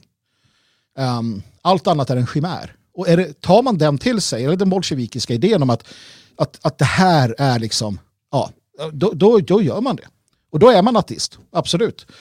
Uh, och, och, det är ju det som de stora nationella rörelserna genom genom tiderna, framförallt under eh, 20-30-talet, alla uttryckligen så att de bekämpar ateismen, bolsjevismen. Det var det som de bekämpade. Att, att man idag har liksom kommit vägen runt så att och det var så för några år sedan att nationalisterna var de som skulle främst på barrikaderna och sa att vi tror inte, vi är ateister. Och, och vi har vikingarna och sådär. Och det är liksom gudarna, men det är bara materiella, alltså materialismen och, och så. Ateismen framför allt. Det är lite intressant. För att det hade ju aldrig accepterats. Va? Och det är, kul, det, det, är spännande att se hur den där vridningen har gått via new age och hur den liksom, uh, sådär, uh, hur, den, hur den efter 60-talets um, ehm, kulturmarxistiska våg tog över allt och gjorde också den nationella oppositionen i Europa till, en, till ett redskap för sig självt. Va? Mm. För den gick från att vara uh, djupt andlig eh, järngardisterna, eh, nationalsocialisterna, fascisterna eh, till att bli pur materialistisk. Den blev det som de man sa sig stå på samma sida som. Det de dog för på östfronten, det blev man själv. Det är väldigt intressant att se den, den svängningen. Och jag tänker i alla fall ägna större delen av mitt liv, förutom det fria Sverige, men det är att och i det fria Sveriges namn också, försöka få bort människor från, från den, den materialistiska livsåskådningen. Och föra dem vidare in till ett plan man där får de... fortfarande köra en snygg sportbil. Ja, det får man göra, absolut. Du kan köra två Om eller man, tre om man du vill. lånar ut den till dig ibland. Absolut. Och om du betalar straffskatt till, till oppositionen för ditt, ditt uh, uh, enorma hårdande av kapitalvaror. Nej, men det är inte det det handlar om. Men, men absolut. Uh, däremot att, att, att förespråka den här bolsjevikiska ateismen, det tycker jag är oroväckande. Mm. Men det är intressant som sagt att det har gått den, men jag den tror, vägen. Men där tror jag helt ärligt att det är um, att det är eh, lika mycket en eh, semantisk, liksom, ett semantiskt missförstånd som det är när jag säger materialism. Att man Ja, tror det att det betyder en sak och säger man, nej men här, jag är inte materialist. Jag menar, jag, alltså, ehm, och så baserar man det på att man inte samlar på sig saker eller någonting. Mm. Eh, men, Men ta hela- och samma sak med ateist, det är så här, eh, ja, men jag, tror inte vi ska gå för, det där Nej, det titta, känns som ett senare nej, nej, nej, nej, vänta bara. Titta bara på liksom, Platon, grunden för västerländsk filosofi. Just idén om det jag var inne på tidigare, det vi skapar här, med, det- alltså, i, i, sinnevär, alltså här, i sinnevärlden. Mm. Han säger att det är det verkliga. Det här är inte det verkliga. Det här, det jag tar på, det är inte, det är inte på riktigt. Utan det, är det manifestation riktiga. Utav, eh, Precis. Ja, precis. Mm. Eh, en ateist ska ju säga skjut honom. Alltså Stalin hade ju bara den där jäveln bort med han. Det här är ju vansinne. Och så vidare. Va? Alltså man måste förstå att det är på den planen. Alltså, då förkastar vi, i sådana fall så måste vi förkasta den västerländska filosofin. Uh, och, och, och det kan man göra om man vill. Jag såg en kommentar tidigare där man sa att men det är den västerländska civilisationen som har lett oss hit. Nej, det är det inte. Det, det är inte den västerländska civilisationen som har lett oss till ruinens brand. Det är att vi har tillåtet falska läror att slå rot i oss. Det är det som har lett oss hit. Det vi ser nu i videoversionen är ju en bild ifrån, det är bara taget för några minuter sedan, ifrån eh, midvinterceremonin i södra Stockholm. Mm. Um, det kommer säkert komma ut fler bilder i det fria Sveriges sociala medier sen. Ehm, men Det, här där är ju religion. Ja, det är det. Alltså, vad de än tror på som individer när de står där, så är det där, det där är religion. Det där skapar kraft, det där manifesterar någonting som, som finns i sinnevärlden in i den verkliga världen, som skapar det här. Alltså, det är det vi är ute efter i det här samtalet, i, de här, i det här resonemanget. Mm. Men när vi talar om vi talar lite här om Ragnarök och, och det cykliska och så vidare. Så, och det, det viktiga just där är kanske just det cykliska. Eh, du eh, var inne eh, på det också Magnus, och just det här det viktiga att förstå i att efter Ragnarök, och så beskrivs det också i, i det vi vet om, om hur våra förfäder le- levde, så, ehm, så, så föds också någonting nytt. Gudarna föds på nytt, människan föds på nytt. Starkare, renare, bättre. Det är det som är, är det vackra i det här, ehm, i det cykliska. Oh Eh, att Oh ja. att det, det som ska kunna växa rent och starkt måste först dö. Mm. Det, det, Det är ju smältningen. eh, eh, Ja, det, det är den där insikten som, som man behöver ha med sig. Jag, vi ska ta en musikpaus. Jag, tänkte, jag tycker ändå att det är, det är en fin beskrivning av Ragnarök i eh, jag tog ut den här från Anders Fryxells eh, berättelser ur den svenska historien. Det här är ett av de första kapitlen eh, och den första volymen kom ut 1823. Den gavs ut under 40 år, de här, det är 46 volymer eller någonting. Um, men jag tror att den här är från 1823 också. Um, så jag tänkte läsa den och sen blir det musikpaus. Uh, så ni, uh, ni, mina två andra kollegor, ni får en extra lång paus nu då. Uh, och så läser jag vad som står i denna, uh, denna bok som då försöker beskriva hur, uh, vad Ragnarök är för någonting. Är det okej med er eller vill ni säga något mer på det här ämnet? Får vi inte lyssna på dig då? Ja, ni får lyssna, men ni får också... Ja, jag har massor att säga Dan, jag har massor att säga men jag, jag säger att du läs istället. Men, men, men turen är ju till tur då att vi från och med nästa år kommer ha två avsnitt i veckan. Eh, vi kommer ju även släppa ett på fredagar för dig som är prenumerant på Svegot Plus. Då hade vi kunnat fortsätta det här på fredag. Kanske får bli en sån här mystikens timme också. Jag vet inte. Ja, vi får se, vi får se var, var, var vi tar vägen någonstans. Um, ja, jag sätter på lite stämningsfull musik här i bakgrunden och så får vi se vad det står. Världens yttersta tid kallas Ragnarök eller gudarnas skymning. Då bliva beständiga krig och blodsutgjutelser. Bröder mörda bröder, barn skona ej sina föräldrar och många brott förövas. Därpå följer en förfärlig stark vinter som varar i tre år utan någon sommar emellan. Midgårdsormen vältrar sig från havsbotten upp på landet varvid allt havet brusande stiger över sina breddar. Jorden börjar skälva så att allt brister och Loke och Fenrisulven bliva befriade. Surtur kommer från Muspelsheim och rider upp på Bifrost, vilken därvid går i stycken. Sedan tågar han med Loke, Midgårdsormen, Fenrisulven och alla rimtussar ut på den stora slätten Vigrid. Då Heimdall ser detta reser han sig upp och blåser högt i jallarhornet så att all världen återskallar därav. Oden rider till Mimers brunn för att hämta råd, men får intet. Yggdrasil skälver och allt bävar både i himmelen och på jorden. Asarna härkläda sig och rida med enhärjarna ut på slätten Vigrid. Främst rider Oden med sitt ypperliga spjut Gugner.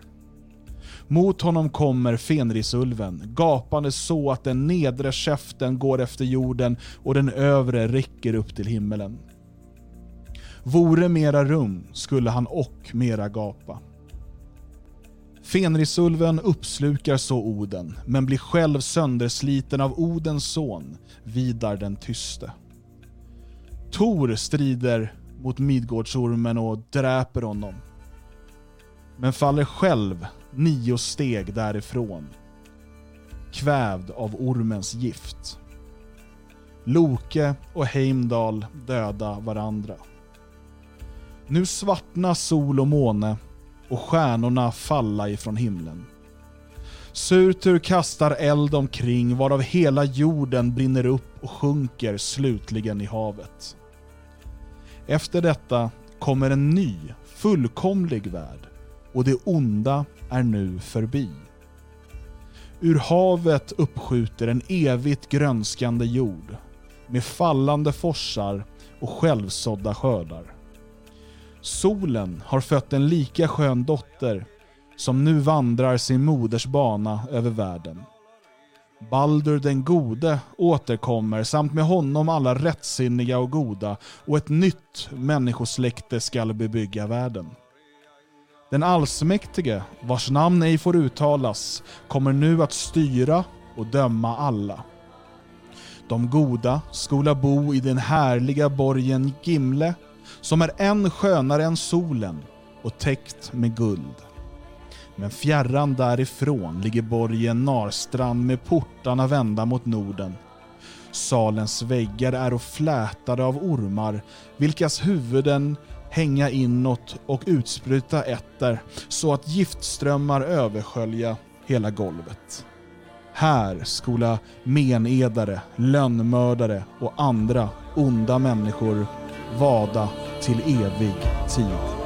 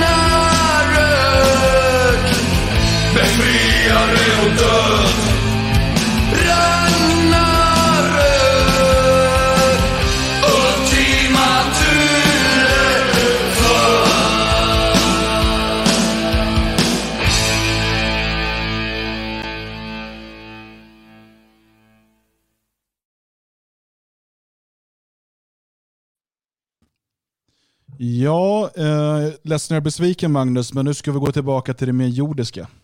Ja, jag vet. Det är, det är sorgligt. Jag, jag säger som jag sa tidigare, att jag, om jag bara lyckats liksom ordna allting om mig och kring mig, då är det predikan från 50.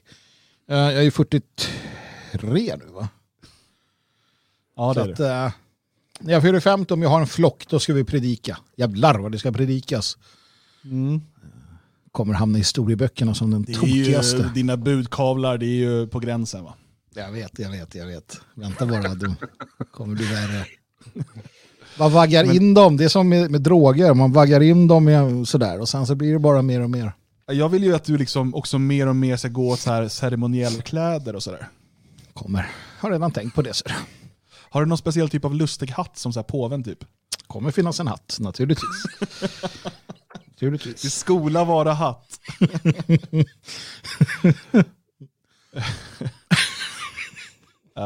ja, ja det, är, det är Ja. där vi hamnat till slut. Hatt. Ja, men det, alltså, jag, jag vet, inom MPD så hade man ju fraktioner, olika, alltså inte fraktioner i, i delstaten utan man hade ju olika, det fanns liksom så MPD som var kristna, det fanns några som var hedningar, det fanns några som dansade samba och sådär. De hade ju sina liksom egna sådär. Jag tänker att eh, det är väl en bra idé. Mm. DFS Rex. Vi får se. Eh, ja, vi måste nämligen tala om ehm, som utvecklingen i Sverige vad gäller eh, coronarestriktioner och så vidare. För jag, eh, jag har ju förstått att svenskar är, är väldigt, väldigt naiva. Det har Stefan Löfven sagt massa gånger. Så det har jag förstått. Ehm, men ja, svenskar är också väldigt naiva inför det här med nedstängning, eh, ansiktsmasker och så vidare. Jag ska berätta, och för den som är ny till det här programmet, då, jag befinner mig för tillfället i Tyskland. Normalt sett så eh, pendlar jag mellan Sverige och Tyskland. Det är dock inte speciellt eh, enkelt just nu, genom nuvarande restriktioner.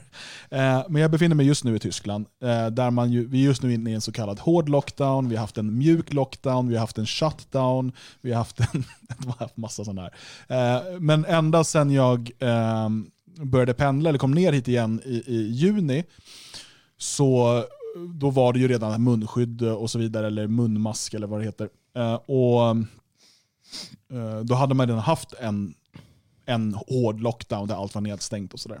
Får jag, får jag bara, får jag bara, får jag bara eh, ursäkta alltså, men jag måste bara fråga. Heter det shutdown, lockdown och så? Eller finns det något tyskt ord? Eller har de bara snott som Nej, vanligt? nej, Happy de kör det. Det är det, det, är det ordet. som- This is a lockdown and then we have this Nej, de pratar inte shutdown. resten inte engelska. Das ist ein sogenannter Lockdown. Jävla bra. Medan man i så Dalarna, de här små bergsbyarna i Dalarna hittar på egna ord för lockdown bara för att veta vad de ska kalla det för på, på sitt eget språk. Eller islänningarna säkert också. Men- men- Så vi, vi har ju haft det här och dessutom så har man eh, arbetat väldigt hårt nu med att bygga upp ett angiverisystem. Ehm, där eh, man uppmanas alltså, i, det finns, kommer i, på tv, liksom i reklamen, det finns uh, skyltar och sådär med ungefärliga budskapet, uh, lite tillspetsat så är budskapet ungefär så här. Uh, ser du din granne ha för många kompisar hemma, ring det här numret. För det, det är kontentan av det som står. Alltså man, man ska höra av sig om man märker att någon, antingen en granne, eller en restaurang eller en butik, bryter mot de så kallade eh, coronareglerna. Och Det kan ju då betyda i nuvarande läge att man är fler än fem personer som träffas, eh, eller att man är från fler än två hushåll. Eh, det skulle kunna vara en sån sak. Eh, och då, då ska man då göra sin medborgerliga plikt och, och ringa ett eh, telefonnummer så att polisen kan åka ut dit och gripa dessa människor, eller åtminstone böt, eh, bötfälla dem. Och jag hade ett eh, samtal med min svärfar här i, i fredags kväll. Och han är ju uppvuxen i, i DDR. Eh, ganska nostalgisk som man kallar det. Eh, liksom, eh, han, han, han berättar ofta ganska så här, varmt om, om tiden i DDR. Vissa saker tyckte han var bra, andra saker var dåliga. Och Han sa det att den här känslan som är just nu, där du inte vet vem kan du lita på. Vem av dina grannar kan du prata öppet med om din liksom, kritik mot de här restriktionerna? Eh, vem måste du gömma dig för ifall du träffas liksom, två grannar två, från två grann, eh, grannhus samtidigt, så ni blir tre personer. Eh, vem kan man liksom lita på? Vem är en angivare? Alltså att den här känslan har, han inte, den har inte funnits sen i DDR, men att den är slående lik. Alltså han, han känner igen den här rädslan eh, för att veta vem kan jag prata med och vem spionerar på mig. Eh, för att man ska veta det, att det är många som ringer och anger sina grannar. Ehm, det finns dessutom eh, en typ av ehm, belöning för människor som gör detta. Um, så att man har byggt upp ett o- oerhört obehagligt angiverisystem. Och I eh, går så var vi inbjudna av några grannar, ja vi var olagligt många, eh, um, att eh, träffas och eh, dricka glühwein. Eh, och, eh, då, jag förstod ju ganska fort, så här, när de bjuder in så pass många olika grannar så är det några som inte liksom är eh, eh, covidioter och liksom, ja, vill följa de här galna reglerna till punkt och pricka.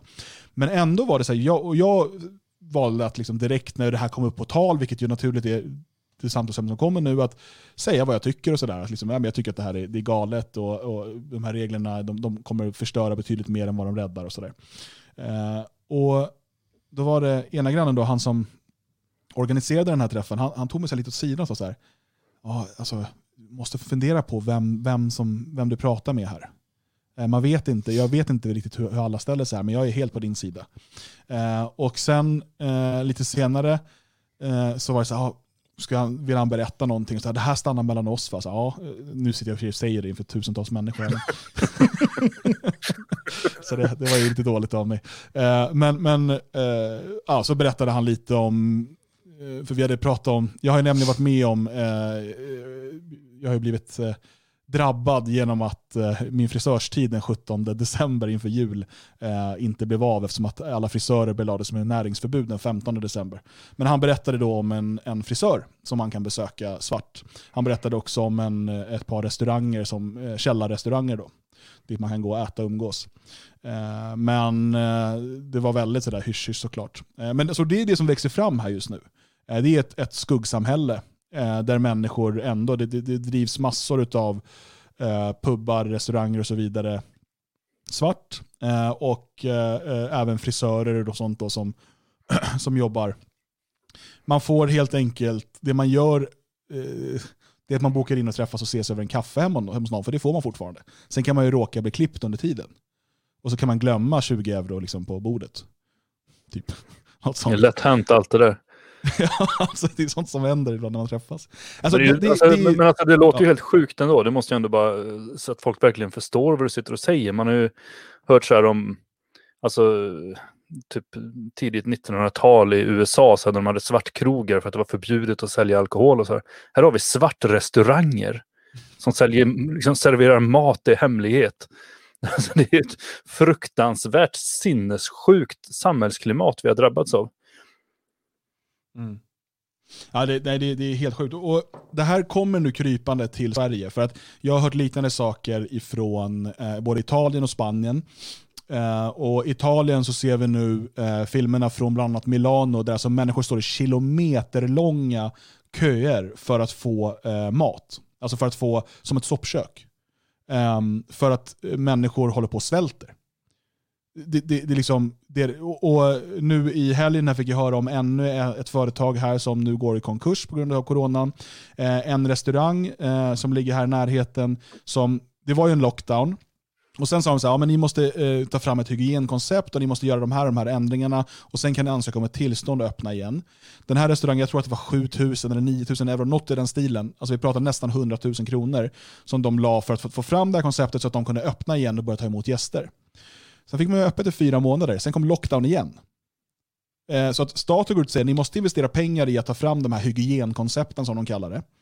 Eh, och sen när de väl börjar komma igång och kanske precis har fått tillbaka de här pengarna, då stänger man ner igen.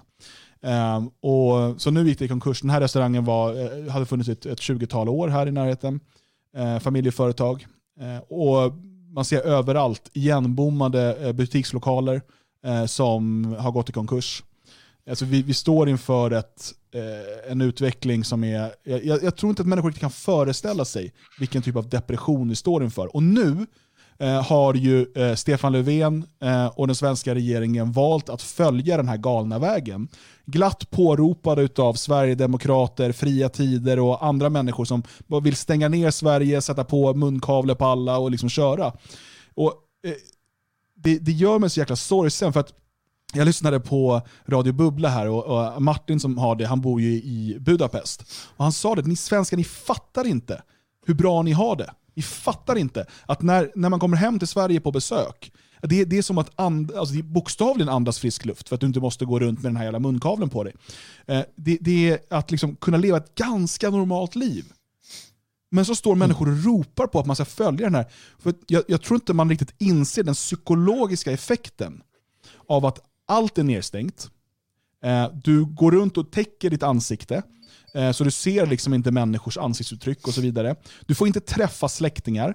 Eh, du, du liksom, det, det är svårt att förklara den psykiska... Jag, menar, jag klarar mig ganska bra. Jag, har, jag, liksom, jag, jag, jag jobbar hemifrån. Jag har liksom daglig kontakt med folk och eh, eh, online och så vidare. Eh, och jag har min familj här, alltså min närmaste familj. Och jag har dessutom ett nätverk av människor som skiter i de här restriktionerna. Så att vi liksom lever våra liv ändå. Men jag, jag, jag förstår folk som, som alltså går ner sig i djup, djup depression och det får vi allt mer anmälningar om nu. Och dit vill nu Sverige också. Och det gör mig så bedrövad. Och inte minst för att Sverige har kunnat fungera som, ehm, vad, vad är det man kallar det för, kanariefågel i, i eh, vad säger man? Kanariefågel i gruvan, eller vad blir det på Ja. svenska? Yeah. Ehm, ja, men alltså på något sätt kunna fungera som, eh, här, om vi tittar här använder vi inte de här metoderna, så får vi se hur det går. Det kanske låter som ett experiment med människor, men vad är det som pågår just nu då? Vi ser nu listorna över vart eh, mest människor har dött eh, per 100 000, förutom San Marino som in, inte får vara med för att det blir helt skevt. Då pratar vi Belgien, vi pratar eh, eh, Italien och så vidare. Och det är länder som har haft hård lockdown, mun, eh, mun vad det heter, ansiktsmask, munkavel eh, och så vidare. Sverige har också relativt höga siffror. Jag vill inte ens komma in på de här sifferdiskussionerna. Jag vill bara att ni svenskar ska förstå att det de håller på att göra mot er nu, det är... Eh, nej, det, det, ja, men ni får se. Och sen ska ni komma ihåg, tacka Sverigedemokrater och annat för den depression och annat som, som folk kommer gå in i nu. För de står och ropar på det här. De står för fan på stan och delar ut sådana här jävla eh, maskar. Lå- Låt mig börja med Förlåt. ni svenskar, sa Dan Eriksson. Det är intressant. Jag är, inte, jag är inte en del av er längre, jag är fri svensk. Jag är inte en Ja. del av er jävla... Ja, det är sant. Jag, jag hade faktiskt ett samtal med en eh, till mig närstående människa som inte alls är, är, är dum på det sättet. Eh, ganska, skulle jag säga, average. Eh, normal människa. Mm. Och först och främst så var det någon som skrev där uppe, eh, eller skrev i chatten att människor vill ha spänning i sitt liv. Det där lanserade jag som teori. Jag håller med. Mycket av allt vi ser är för att människor tycker det är lite kul att få leva i pestens tid eller sådär. Det är lite spännande. Va? Sen, sen fattar de inte vad som händer. Men den här personen jag pratade med och, och jag, jag, jag försökte liksom leda in det för jag tänkte att en, en, en slag, ett- en, rikt, en riktig bredsida, det är ju demokratifrågan. Och jag sa det att fan att man har lyckats upphäva demokratin.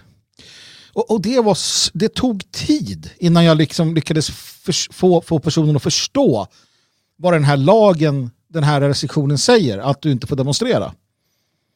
För att det var väldigt så här, ja, men när, och att det hände för en vecka eller två sedan, det, det hade man inte ens koll på. Det, det, alltså, och det här är en person som tar del av normal, alltså som, som majoriteten av svenskarna läser, normal eh, medståndsmedia, enkom. Ja, och då är, det, då är det så. Och det var det ena. Det andra var att, att efter, efter många om och men så jag tog ditt exempel, Dan. Jag berättade om den här mannen i DDR som såg det här. Och då så här, ja men, men, ja, nej, men det är ju, nej, jag, jag tror inte att, nej, det, var, det är nog inte på samma sätt. Det, det är du som överdriver nu Magnus. Ja, men jag säger ju bara vad han sa. Skit i det. Uh, så sa jag, men vet du om då att i, i Tyskland, är det Storbritannien som har sparkat in dörrarna hos folk för att de är för många. Man övervakar med drönare. Nej, eh, nu ljuger du. Nu ljuger du. Nej, men, nej, det gör jag inte. Jo, det gör du. Vad har du fått därifrån? Mail online, Daily Mail, alltså, de stora medierna, stora mediehusen. Det är ju alla, alltså, poliserna lägger ut det själva. Och så berättar jag om den här äh, tanten som fick stryk i Stockholm. Ja, men det har alltid varit så. äh, Man får läsa om poliser brukar övervåld. Alltså, det här kommer ske. Och de flesta kommer tycka det är en bra idé. För att som den här personen sa, ja men vad ska de göra då? När det är en dödlig sjukdom som sprids och ingen gör ingen och de är ute och bara festar och inte bryr sig. Vad ska de göra då? Nej, alltså med det, ja visst, alltså jag förstår ju det. Jag skrev en artikel om det i Nationalisten. Är det tigerdöden? Eh, är det pesten? Ja, då ska man låsa in folk. Då ska man ta i med hårdhandskarna. Men det är ju inte det. Och det är här det blir problem. Igen då. Människor är helt nöjda med att ge bort sin frihet. Utan tvekan. Alltså svensken kommer ge bort friheten. Det här är redan klart. Löfven kan bara köra på. Det kommer, vi är för få att stoppa det som kommer hända. Ja, alltså, jag ska bara säga det också att i Tyskland så enligt officiella undersökningar, vi, vi kan väl inte riktigt veta hur, hur sanna de är, men, men så finns det ju ett stöd för de här lockdowns och så vidare. Alltså, och framförallt i väst. I öst är det mycket eh, mer motstånd. Ehm, och det är här de, stora, eh, de största demonstrationerna har varit. Eh, men eh, nu är ju demonstrationerna förbjudna, precis som i Sverige. Ja. Nej men så, så är det. Ehm, jag, jag vet inte. Ehm, det, det är att vi står... lite på en sån här, uh, vad säger man, pivot point. Det kan, det kan gå åt ändra eller andra hållet. Visst, jag säger som jag sagt tidigare, det, det är möjligt att de kommer ge oss tillbaka ge oss tillbaka de här friheterna som våra förfäder slogs och dog för. Uh, biskops, uh, biskop, uh, visan där, frihetsvisan och så. Biskop Thomas. Det, det kan, biskop Thomas Fridsson. Det kan vara så att vi får tillbaka diktatorn. Det är bra. Nej, men det, det är möjligt att vi, att vi får tillbaka det, men, men det har ju gjort något med oss. Ja, vi, vi, vi har liksom på en kollektiv nivå kackat fullständigt. Um, och det där kommer, det sätter, det kommer sätta att det är trauma uh, som svenskarna inte kommer kunna återhämta sig från. De är, alltså svenskarna är körda. Om de, alltså, britterna är körda, tyskarna är körda. De som har gått med på det här alltså. De är körda. Uh, för det här reser du inte ur. Det är en generation eller två som krävs. Uh, fria tyskar, fria britter, fria svenskar, de är inte körda. Vi, vi kommer bara liksom kämpa på. Va? Och som du säger, vi kommer vara, vi kommer vara munnens, munnens eh, bekännare. Vi kommer låtsas eh, för att det är taktiskt rätt. För att vi inte har kraften. Så får det bli. Det finns inget alternativ till det. Ehm, att, att ligga hemma och, och svälta ihjäl för att man av princip vägrar för att Konsum har eh, väktare som säger att du inte, ja sådär. Man får liksom ta sked i vacker tass eller vad det heter. Men, men det är kört för resten. Rent mentalt, psykologiskt, det är kört. Det tror jag. Ja, alltså. Um, man måste ju välja sina strider. Uh, och liksom, ibland måste man bara spela med för att det liksom är uh, helt enkelt det som man kommer tjäna mest på i längden för, för att förändra någonting. Men uh, att det inte finns ett större motstånd, jag dessutom ser, alltså det gör mig så jäkla ledsen att se den här så kallade Sverigevänliga rörelsen eh, som står och ropar på det här. Och liksom, eh, så här, Tegnell har ju eh, haft massa fel och gjort massa fel i, i sin karriär.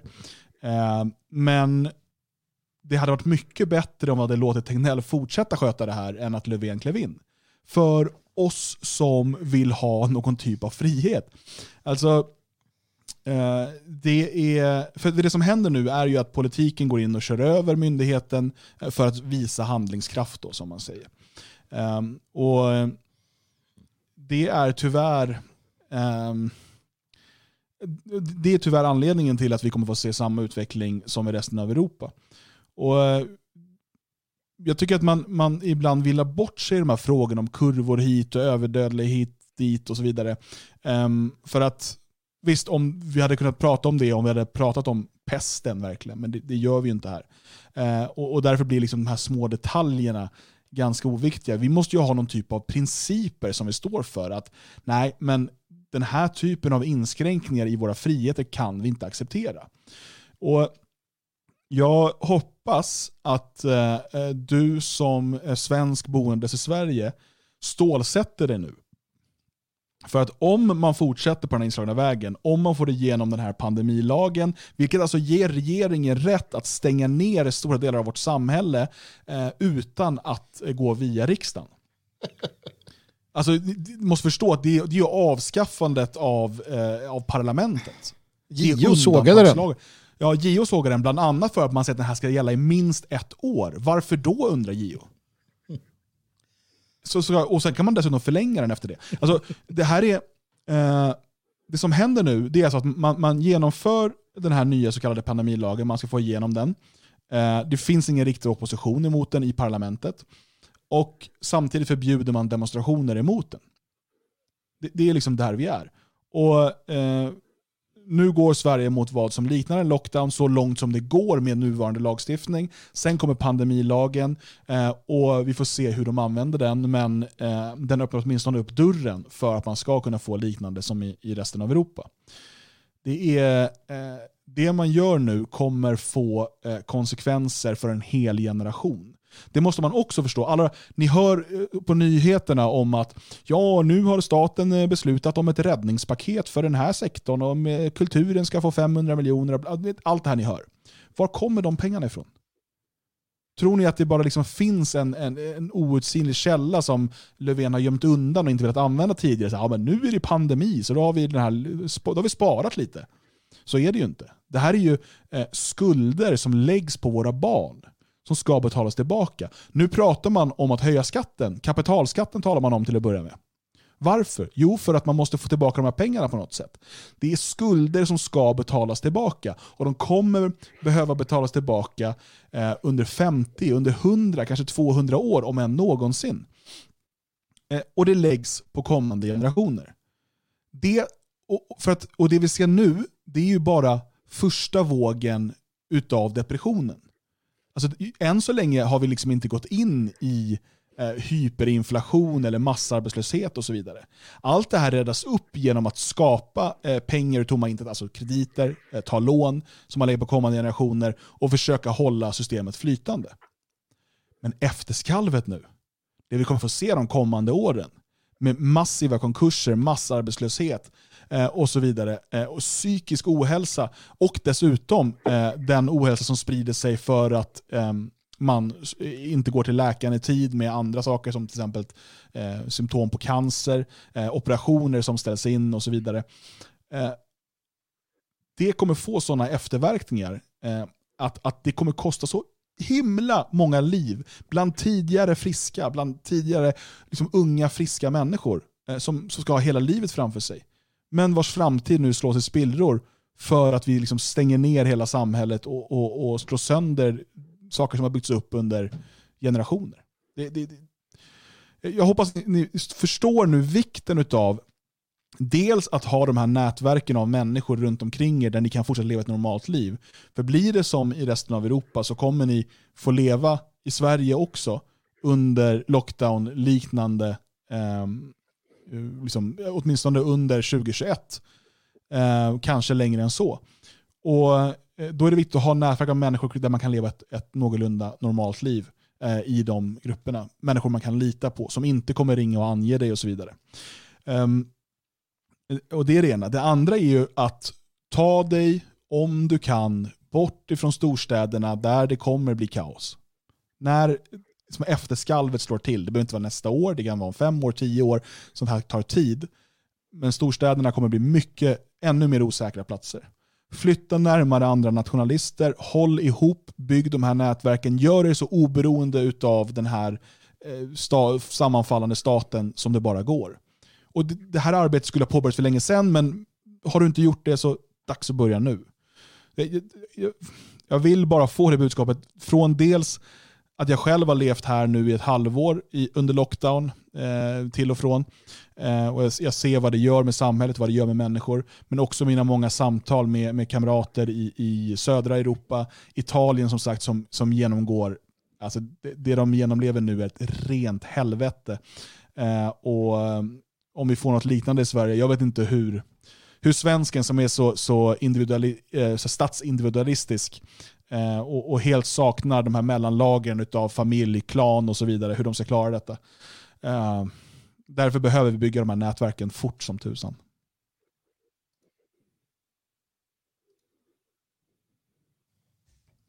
Ja, det är ord och inga visor. och det är väl så det ska vara. Det, det, det är lite ekofascism ändå i det här. Det som händer, det är lite intressant. Um, för det vi ser är ju ändå att det är en, en, eh, en uppfyllelse. Och det är det här som är så gött för alla eh, konspirationsteoretiker om man så vill. Uh, vi har hört om de här uh, idéerna och vi har läst de här böckerna och sådär. Och jag vet inte, uh, jag tror inte man ska stirra sig blind på vare sig eller. Vi ska bara konstatera vad som händer. Och hur den är så, så, så talar siffrorna ett tydligt språk. Jag ser i, i chatten att man kommer fram till olika saker och visar det här med dödlighet och så. Det, det är värt att ta till sig. Att det inte är så, så illa som de säger. Eller får då och, och framstå, alltså inte ens deras egna källor. Och om vi tar den här nya, för att det som du sa där 2021, ja det kan vi räkna med. Uh, jag läste nu att en av de här eh, Tegnell, uh, Tegnells nemesisar sa det att ja, får vi in den här nya strängen från Storbritannien då är hela 2021 rökt. Det kommer ta liksom fyra, fem månader och så, sätter, och så är det kört. Liksom. Så det kommer det vara. Eh, om man vill det. Eh, och, och, Det intressanta med den här nya strängen då som kommer det är ju inte att den är farligare. Alltså den är inte värre än något annat. Det är att, det är att, den, att den sprider sig mer. Alltså virologin är ju tydlig med att ett virus försöker bli så snällt som möjligt. För annars försvinner det. För att de dör. Ett virus vill bli mer smittsamt men inte lika farligt. Va? Och det kommer corona göra också den här gången, som de tidigare har gjort. Och, och det är en sån där sak, alltså vi har levt med corona i, i en miljard år eller någonting. Det, det är inget nytt att det här kommer. Så det är så många, många eh, dumheter. Och, och problemet ligger i att vi, vi har en, en övertro på systemet, på, på de olika myndigheterna. Vi har en, en eh, enorm rädsla för att tänka själva på ett helt annat sätt än, än vi hade tidigare. Eh, på många sätt så, så, är vi mer upplysta, eh, absolut, men, men eller ja, inte så många sätt. Men vi har en del teknisk kunskap, vi vet lite om solar och planeter och sådär. Men förr hade man ändå en idé om att okej, okay, om det ligger en död fågel här så är det något vi ska titta på. Liksom. Och så är den död där, okej, okay, då är vi något problem. Alltså, man hade inte låtit sig skrämmas, vilket vi vet från Hongkong-influensan på, på 50-talet Eh, och dylikt.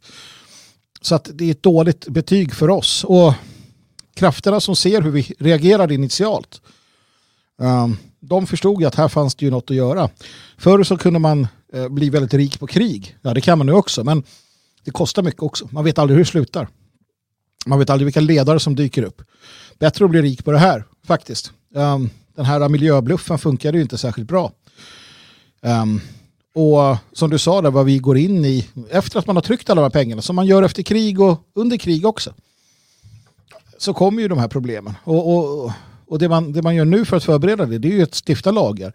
Vi pratade om prekariatet för flera år sedan när EU började inse att den här, den här underklassen som dyker upp i EU och så vidare i Europa. Och så. så att, eh, nej, det, det är som du säger helt och hållet. Här. Ja. mer eller mindre planerat, mer eller mindre medvetet, mer eller mindre ryggradsreaktioner från pissliberaler och socialister. Uh, i, en, I en ganska otäck sån här häxblandning som man blandade hemma när man skulle ut och dricka när man var liten. det blir aldrig bra. Man mår aldrig bra efteråt, det kan jag säga på en gång. Nej. Ja, Björn, hur funkar ditt internet? Uh, till och från tror jag. Ja, men då så. Då får du se dina fem cent nu innan det bryts. Mm, ja, men det är bra. Det är bra. Uh, nej, men jag vet inte. Jag, jag tänkte väl ta en liten personlig um, uh, erfarenhet av corona som jag känner att folk håller på och pratar om corona hit och dit och att det är bra med olika förbud och hinder och sånt där. Um, en nära anhörig till familjen uh, avled igår. Inte i corona, definitivt inte. Ehm, tanken var att vi skulle åka och hälsa på honom i eh, somras. Det var färdigbokade biljetter och allting och eh, det blev tvärstopp eh, i med alla lagar och regler som kom. Och ehm, ja, och nu är han död. Ehm, eh, vilket gör att vi liksom inte fick möjlighet att eh, träffa honom på det här året då. Ehm, Eh, och det är ju helt och hållet på grund av de här eh, coronarestriktionerna som alltså sliter människor isär från varandra. Eh, folk får inte möjlighet när, de får besked om att en anhörig är lite sjuk eller så om de finns i ett annat land. Man, man hindrar människor liksom från att ta värdiga farväl. Nu, nu visste inte vi att det här, att det här dödsbeskedet skulle komma, men, men eh, det hade ju ändå känts bättre någonstans att veta att vi hade träffats nyligen. Eh, vilket omöjliggjordes då av eh, klåfingriga politiker. Eh, och då ska man ju veta att jag är ändå ganska mycket för olika gränser. Så att, men um, en, en, ett naturligt resande borde man kunna ha. Idag har vi ju förbjudit ett naturligt resande samtidigt som en onaturlig massinvandring pågår. Mm. Uh, så uh, jag skulle knyta ihop det här på något bra sätt, men det sprack. Nej, och sen, ja, det är klart också i det här, eh, jag har den, den största respekt för människor som eh, är eh, eh som tillhör riskgrupper och, och liksom är rädda, vare sig det är liksom influensasäsong eller coronavirus eller vad det är. Eh, och jag har eh, berättat om det tidigare, jag har faktiskt en vän som ligger på sjukhus just nu. Eh, coronapositiv eh, och Eh, låg hemma sjuk i eh, över 40 graders feber i jag tror fyra eller fem dagar innan han fick åka in på sjukhus. Um, Och han är bättre nu efter två, tre dagar på sjukhus, där, så, men han ligger kvar för eh, övervakning. Eh, och om det nu är liksom det här coronaviruset som gör honom sjuk och det, eh, det verkar absolut inte vara någon kul sjukdom när det, när det blir illa. Eh, det är inget som jag liksom önskar någon bra människa. Eh, men det, i, alltså från det steget eh, och till liksom att okej, okay, vi har nu liksom eh, eh, ett virus eller en, en, en sjukdom som sprids. Eh, tänk på det här och det här och det här. Eh, se till att eh, skydda riskgrupper och så vidare. Det, det är en sak och det är ganska naturligt att försöka ta den typen av hänsyn. Det till att belägga människor med, med näringsförbud, eh, förbjuder dem att träffa sina släktingar, att bötfälla människor som, eh, som, som träffas och dricker kaffe tillsammans, att eh, brotta ner och, och misshandla eh, ungdomar som spelar ishockey utomhus eh, från polisen som vi såg i Kanada. Allt det, vi, vi ser massa sådana här exempel. Sparka in folks dörrar för att se att de inte har för många kompisar där. Det är en helt annan nivå. Och man måste kunna skilja på det.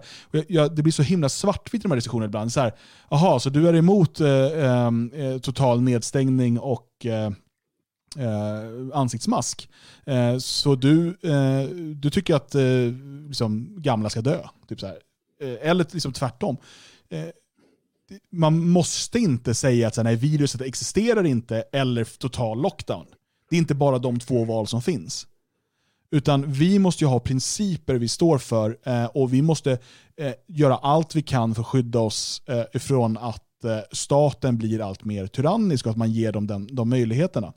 Eh, och om vi inte slåss för de principerna, eh, då har vi inte heller eh, någonting kvar. Och här måste man verkligen fråga sig om med, alltså medicinen inte gör mer skada än sjukdomen. Jag är helt övertygad om att den gör det. Kanske till och med redan idag. Och ser vi på en världslig skala, om vi ska släppa vår, vår eh, liksom, eh, liksom syn på bara Sverige eller Europa just nu, ser vi till exempel eh, i, i eh, u-länderna, så pratar man ju redan för flera månader sedan om att över en miljon barn har dött till följd av coronarestriktionerna.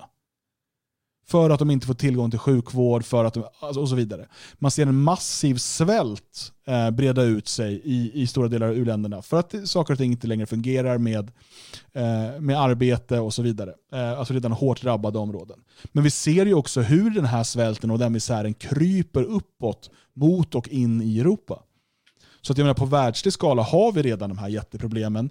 Eh, och, och, och, det kommer och, och, och, det här kommer sedan användas som en förevändning för att införa olika typer av det kanske är fel att kalla det socialistiska lösningar, för det här är egentligen ett nyliberalt projekt på många sätt. Men ni kan se på, på World Economic Forum, The Great Reset och så vidare, um, hur man talar om att du ska inte äga någonting, allt ska fördelas, allt är till låns och så vidare. Att det är visionen för 2030. Uh, ehm, och nu coronan visar, nu, för att få världen på fötter igen så måste vi göra om en, liksom en världsfördelningspolitik och så vidare. Vi behöver instifta en världsregering som kan, som kan se till att det blir rättvisa och bla bla bla bla bla. Och det här, det man nu gör, det man skapar genom restriktionerna, inte det som viruset skapar, det som restriktionerna skapar, det kommer man använda som förevändning för att gå i den riktningen. Mm. Det, det, är precis så, det är precis så det är. Jag vet inte. Det är svårt för att man kom, vi, vi, kan aldrig vi kan aldrig säga så här, gör, gör så här. Det är mycket lättare med massinvandring och mångkultur och elände. Det här är mycket svårare. Här gäller det att, att se, vi pratade järtecken tidigare. Här gäller det att kunna se och fundera över vad som är på gång som sagt. Vad som är troligt och, och, och planera för det. Uh, sen gör man ju inte saker lättvindigt. Som när du säger att man, man bör liksom lämna städer och så. Ja, självklart. Och det tar tid. Det tar tid för en, en familj med, med barn och arbete och allting. Så att det, inga, det finns inga enkla svar på det här. Det gör det inte.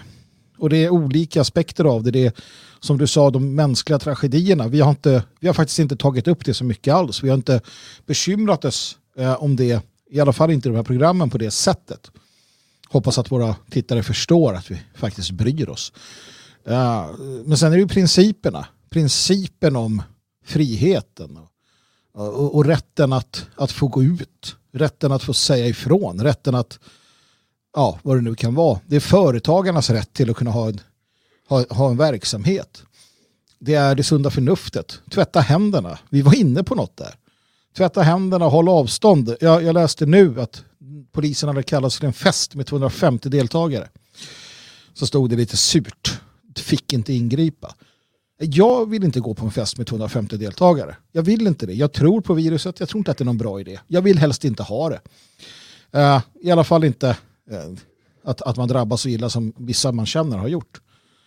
Uh, jag kan inte råda över det. Någonstans tror jag i slutet, änden, att alla kommer på ett eller annat sätt få det, mer eller mindre. Eh, det här drar över jorden nu. Ehm, det är en ny version av en, en gammal stam. Och den, kommer, den kommer ta sitt. Uh, jag tänkte på det som sades i... Ja, jag har vandrat länge bredvid dig nu. Corona har gjort det. Vandrat bredvid oss hur länge som helst. Och tagit människor ifrån oss i tider. Uh, och nu är det så. Men, men, men att ge upp och stänga in sig och rädas livet och, och det på grund av det, det, det, kan vi inte göra för vi förlorar oss själva. Alltså jag förlorar hellre mitt liv än att, att förlora friheten och, och mig själv i, i, i liksom verkligheten på något sätt. Och, och så. Ja. Mm. Sen som sagt, var, var respektfulla för helvete. Såklart, stå inte och hosta varandra i ansiktet om ni nu gjorde det förr i världen. Uh, det är klart att man, man, man tänker på sådana saker. Uh, det kan man gott göra även om man är en virusförnekare. Förneka virus hur mycket du vill men, men visa respekt det, det tycker jag är ganska grundläggande också. Ja, det är inte mycket svårare än så. Eh, egentligen.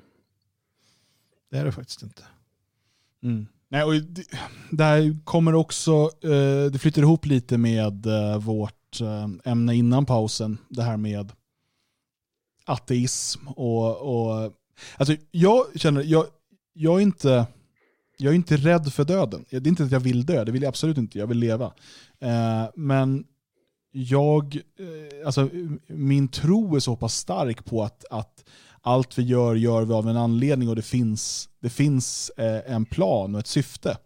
Eh, och därför är jag inte rädd för att möta världen. Eh, och, och, dessutom med en stark tro på, på någonting bortom den här världen eh, så gör döden mig inte speciellt rädd. Och jag tror att i eh, den generation som idag är, är, den största riskgruppen är också den generation i västvärlden eh, som bröt med religionen. Eh, det, det, går liksom under samma eh, tids, ehm, tidspunkt. Ehm, där ehm, svenskarna och eh, västerlänningar i stort eh, lämnade kyrkan, lämnade religionen eh, och blev ateister i högre utsträckning. Eh, och jag tror att det här också hänger, det hänger ihop.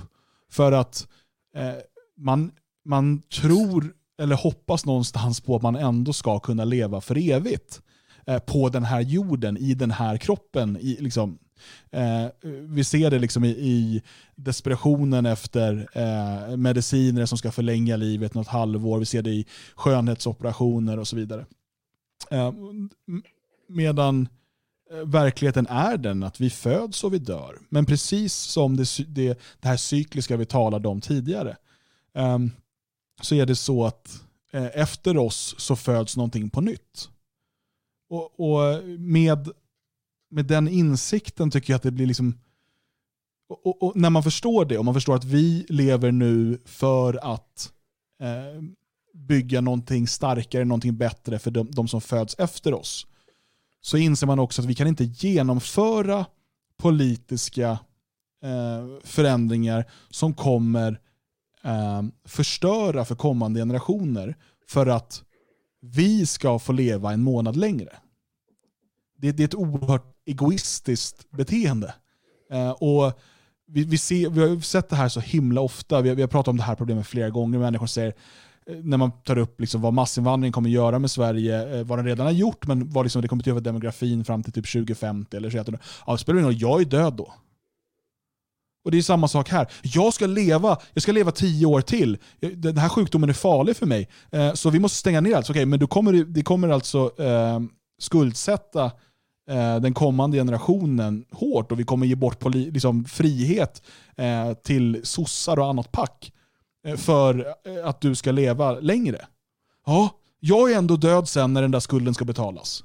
Det, det är så man undermedvetet måste resonera. Och där, jag menar att det hänger ihop med eh, vår eh, förlorade tro, vår förlorade eh, förståelse för, för de större tingens ordning.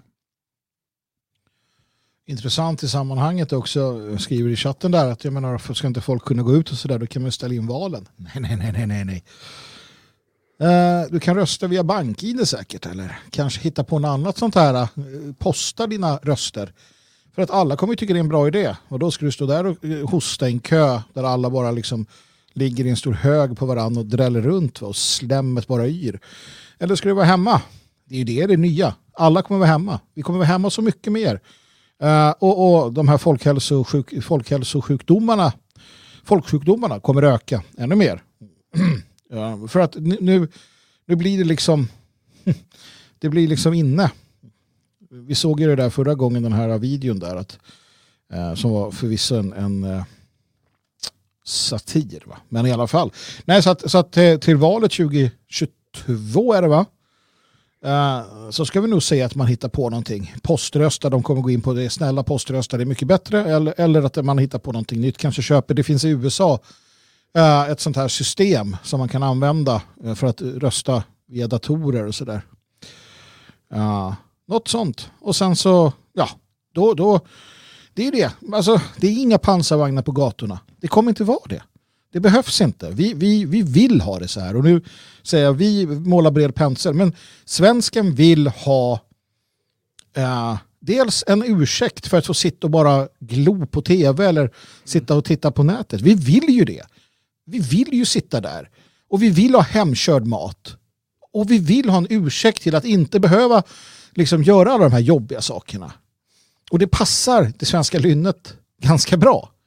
Uh, mer än italienarna eller britterna som ska ha sin jävla pub så att man blir knäpp i huvudet. Man får aldrig vara i fred. Men vi passar bra för det här. Uh, kanske därför man inte liksom kör in det här från början. För att det behövdes inte. Det är nu vi kan köra på lite mer uh, lockdown. Så svensken kommer vilja, vilja det. Det är jag rätt säker på. Alltså jag kan ju tänka mig att om det skulle vara just nu, eh, dags för ett val i Sverige, så skulle möjligtvis Socialdemokraterna säga att nej, men vi försöker poströsta och så. Medan Sverigedemokraterna och Moderaterna hade sagt att nej, nej, nej, nej, nej, vi ställer in valet, ni får fortsätta styra, det viktiga är nu att ingen smittar ner någon.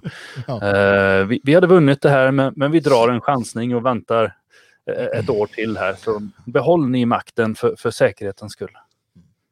helt klart, helt klart. Och, och visst, någonstans finns det återigen i det svenska kynnet eh, och i just den typen av restaurang. Det finns ju någonting hyfsat trevligt där. Eh, och, och, vi har varit duktiga på det här med, med samverkan och, och, så. Inte bara till ondo. Men, men vi ser ju också att i dessa tider så, så, så slår det lätt tillbaka för att vi är så otroligt godtrogna. Eh, och liksom ordning och reda framför allt. Men jag håller med dig där Björn. Det tror jag fan också. Ja, mina vänner, klockan är redan fem över tio. Uh, vi hade räknat med att den här sändningen kanske skulle bli lite kortare än vanligt. vi klarar inte av det här. Vi klarar inte av att hålla oss kort. Uh, det har varit trevligt att uh, samtala med er och trevligt att ha med er här i chatten. Um, vi ska avsluta med lite musik, men jag vill först bara påminna om uh, Uppstakvällen. Anmäl dig nu för tusan. det kommer bli en, en mysig kväll och Eh, du måste föranmäla dig för att delta. Eh, länken finns här under eller så går du in på detfriasverige.se och anmäler dig där. Det är begränsat antal platser. Eh, och Sen vill jag uppmana dig så här i gåvotider, gå in på detfriasverige.se, gå ner till husfonden och lämna en donation. Du förstår själv vikten av att vi etablerar Svenskarnas hus runt om i landet och det görs tack vare husfonden, tack vare alla människor som är med och bidrar. Se till att vi når målet så vi kan fortsätta hålla vår plan. Eh, och om du inte redan är det, bli medlem i det fria Sverige. Tyvärr hittade vi inte tonsättningen av Frihetsvisan som vi hade velat spela. Eh, så vi kör en annan låt med svensk ungdom på ett liknande tema och önskar en riktigt god kväll.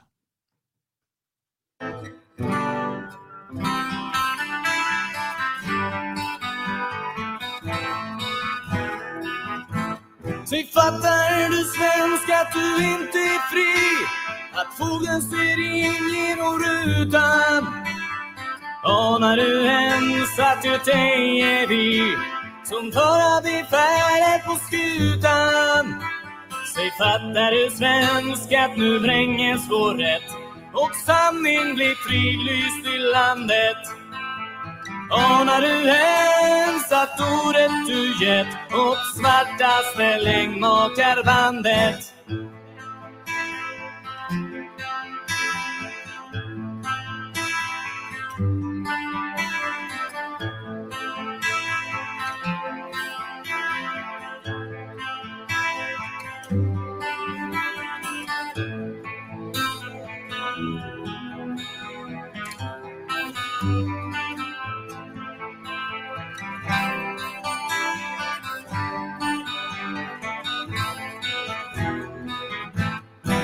Anar du svensk en varmliga slut som väntar ett folk utan ära? Fattar du ens ett rätt framträtt ut? Vänd åter till fädernas lära.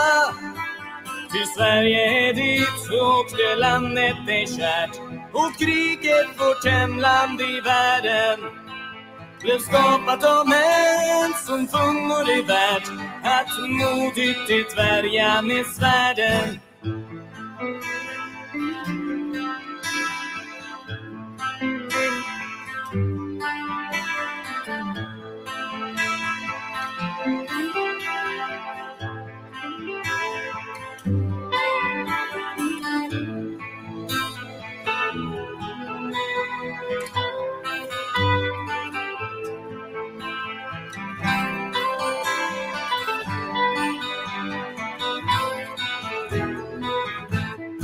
Fattar du svensk att du inte är fri?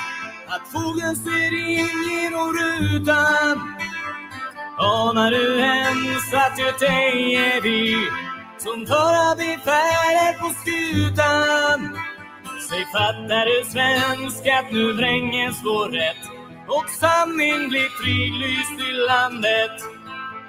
Anar du ens att ordet du gett åt svartaste längdmakarbandet?